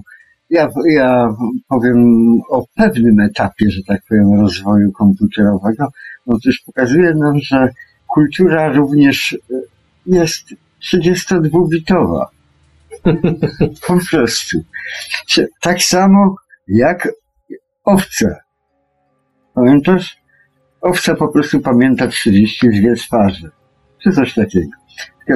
To jest 32 bity. I to samo jest z kulturą. To się niczym nie różni. Kultura od owcy, od nas i od komputera. To jest pewien system. No ale na ten temat to będziemy sobie gadali. No tak, ale bo, w ogóle pokazuje coś takiego, że istnieje bardzo ścisły związek. My sobie z niego bardzo często nie zdajemy sprawy, ale związek pomiędzy tym, co nazywamy mitologią, ale nie ograniczajmy tej mitologii tylko i wyłącznie do tej e, greckiej, którą znamy pewno najlepiej, czy rzymskiej, e, ale związek mitologii z narracją. Marku, my mamy określoną ilość połączeń synaps. A tam jest sporo tych synaps. Tak, nie, zaręczam sporo, Tak, tak, ale jest to określona ilość. Tak samo jest w kulturze. Hmm, synaps no. może być więcej niż jest po prostu, ale ich jest tyle, ile jest, a nie dowolna ilość, bo wolności nie ma. No ja w każdym razie byłem, e, kiedy przeczytałem tę książkę, byłem zaskoczony, że my w gruncie rzeczy, tacy wykształceni, tacy bywali w świecie i zorientowani, w gruncie rzeczy używamy, zastanawiam się, czy świadomie, czy nie, jednak pewnych kalek i pewnych, i cały czas, tak jak powiedziałem wcześniej, opowiadamy tę samą historię. Dla mnie to było duże zaskoczenie, a e, i myślę, że to damy wybrzmieć Woglerowi, żeby, żeby to po prostu, żeby to po prostu y, lepiej pokazał, bo nam można nie wierzyć, ale ja jemu akurat ufam, bo facet kilka scenariuszy w życiu napisał. Paru ludzi mówiło również e, bez Woglera, że tak powiem, że Wszystko, co było do napisania, to napisał Szekspir, a my wszyscy tańczymy, że tak powiem, w jego cyrku, że tak powiem, dookoła po prostu tego Szekspira, bo ktokolwiek cokolwiek napisze, każda absolutnie historia może znaleźć odniesienie U Szekspira. No tak, a jeśli dorzucimy do tego e, słowa, że cała filozofia i cała myśl ludzka to są tylko przypisy do Platona, No właśnie. No, czyli mamy to nie brzmi, to nie brzmi to dobrze. formatowanie 32 bity po prostu, no 64, możemy sobie podyskutować, ale jest to określona liczba po prostu, Wiesz, a nie ale- dowolna. No tak, ale to mimo wszystko jest pewien, publicysty, pewien pu, pu, publicystyczny skrót myślowy z, tym, z tymi przypisami do Marku. Platona. Marku, jaki skrót? Marek, siedzimy tutaj i co mamy nad głową? Górę, a pod sobą dół. A na prawo mamy prawo, a na lewo mamy lewo. I mamy jeszcze cztery, i co jeszcze? Nic więcej, Marku. Góra, dół, lewa, prawa, pra... i cztery strony świata, nie? Co chcesz jeszcze? No jeszcze jest kwantowa rzeczywistość, nie? Czyli, Albo wirtualna rzeczywistość, czyli, nie? czyli, czyli tak naprawdę sugerujesz, że przez ostatnie 3000 lat Tak, istniała góra, dół, lewa, prawa, no i tak. A teraz jeszcze pewne struktury i pewne struktury opowieści, które od czasów wspomnianej dzisiaj Odysei właściwie niewiele się zmieniły. niewiele się zmieniły, bo zostały, że tak powiem, tak. Warto mieć tego świadomość, kiedy, kiedy czytamy kolej, z wypiekami na twarzy kolejne dzieło, to warto mieć tego świadomość, że wszystko już było. Było. No cóż, żeby nie przedłużać, dziękujemy bardzo, e, dziękujemy Państwu bardzo. E, za tydzień, za tydzień znowu e, spotkanie z utworem Wiktora, tym razem Appendix Solariana. To będzie, zdaje się, w jednym kawałku, więc, więc pewno, więc pewno, pewno, pewno, pewno, e, tak będzie łat, łatwo to przełknąć. To zresztą e, jest całkiem sympatyczne opowiadanko. No jak już, już się wywołałem do tablicy, to powiedz coś o tym opowiadanku zachęcającego. Zachęcającego napisałem je chyba w 6 godzin w ciągu jednej nocy przed wydaniem y, sfery takiego pisma. które- Powiedz, do czego nawiązuje. No tego akurat Lem zmarł i po prostu należało uświęcić mistrza odejście, że tak powiem, więc napisałem po prostu Coś, co nawiązuje do poświęcone Stanisławowi Lemowi i Solarisowi. i Solaris, no właśnie. I uważam, co, co prawda, pisałem je parę godzin, natomiast y, przedtem studiowałem budowę stacji orbitalnej na Solaris. Nie studiowałem, tylko próbowałem odtworzyć przez parę godzin i odtworzyłem po to, żeby potem dialogi trwały tyle, ile kroków można zrobić, wędrując po jakimś tunelu. Uj, to była skomplikowana robota po prostu, a jej w ogóle nie widać, więc można słuchać. Tak jest. No to cóż, zapraszamy w takim razie za, za tydzień na y, kolejną, kolejną część y, ABW, czyli Antologii Bibliotekarium Wakacji. A jeszcze Bo przy jeszcze- okazji ABW mam takie pytanie, które mnie nurtuje do pana Wiktora. Skąd pan wytrzasnął nazwisko e, jednego z bohaterów Requiem e, Sinbada na Requiem RQM 57? E, Skąd pan wytrzasnął nazwisko Ancient Gropius? Ej, To, to był jakiś uczowy. Ja już nie pamiętam tego, ale ktoś to był. y, y, Wtedy, kiedy to pisałem, to wiedziałem. Dzisiaj już nie pamiętam. Skleroza. Trzeba by było pogrzebać. wie pan, z czym to nazwisko się kojarzy Tak. osobie bardziej obeznanej z językiem angielskim? Tak? Ze słowem groping. No Mm, tak. Nie powiem, co to słowo oznacza po polsku, Aha. ale zapewne domyślacie się panowie, że I to chodzi o zawsze coś był- brudnego. Zawsze, zawsze był nieprzyzwoity po Ja prostu. e, I wiem, Jego, jego opowieści mają zawsze drugie nieprzyzwoite dno. Zgadza się. Zawsze, w każdym razie tak samo jak Jonathan Smith, na pewno przypadkowo tego imienia nie wstawiłem w takiej formie, w jakiej wstawiłem. Tak jak y, zresztą w Kosmodrawie Machu Picchu mój bo- bohater y, ma Lesę. No, Dlatego i jeszcze bardzo, Ain't Gropius. ba, ba, bardzo ładne. Lesę to jest bardzo ładne imię, tylko że ja nie powiem. Mm, To jest coś, e, w czego skład wchodzą no, nasze geny, że tak powiem, co przekazuje kobiecie. Dobra. Ale nie będę tłumaczył. No dobra, dobra, okej. po No w każdym razie to jeszcze raz zapraszamy na Appendix Solariana za tydzień, za dwa tygodnie podróż autora. Mm, To może brzmieć mało zachęcająco, ale myślę, że będzie, myślę, że będzie ciekawie. I cóż, dziękujemy Państwu bardzo serdecznie. E, Życzymy samych dobrych lektur, tak jak zawsze, e, samych udanych lektur, samych dobrze wybranych lektur. Wszystkiego dobrego, dobrej nocy. Dobranocka. A mówili te słowa do Państwa gospodarze bibliotekarium Marek Żelkowski i Wiktor Czwiekiewicz. Audycję jak zawsze od strony technicznej obsługiwał Marek Senkiewelios, Radio Paranormalium, Paranormalny Głos w Twoim domu. Dzisiejsze bibliotekarium kończymy tematem muzycznym zaczerpniętym z jednej z pierwszych pełnometrażowych ekranizacji, czy też e, z filmu luźno opartego na historii Lemuela Gullivera z podróży Gullivera z 1939 roku. Utwór kończący film, jedna z ostatnich scen, Utwór zatytułowany I Hear a Dream. Radio Paranormalium. Dziękujemy za uwagę i do usłyszenia oczywiście w ABW już za tydzień i w Bibliotekarium na żywo już za dwa tygodnie.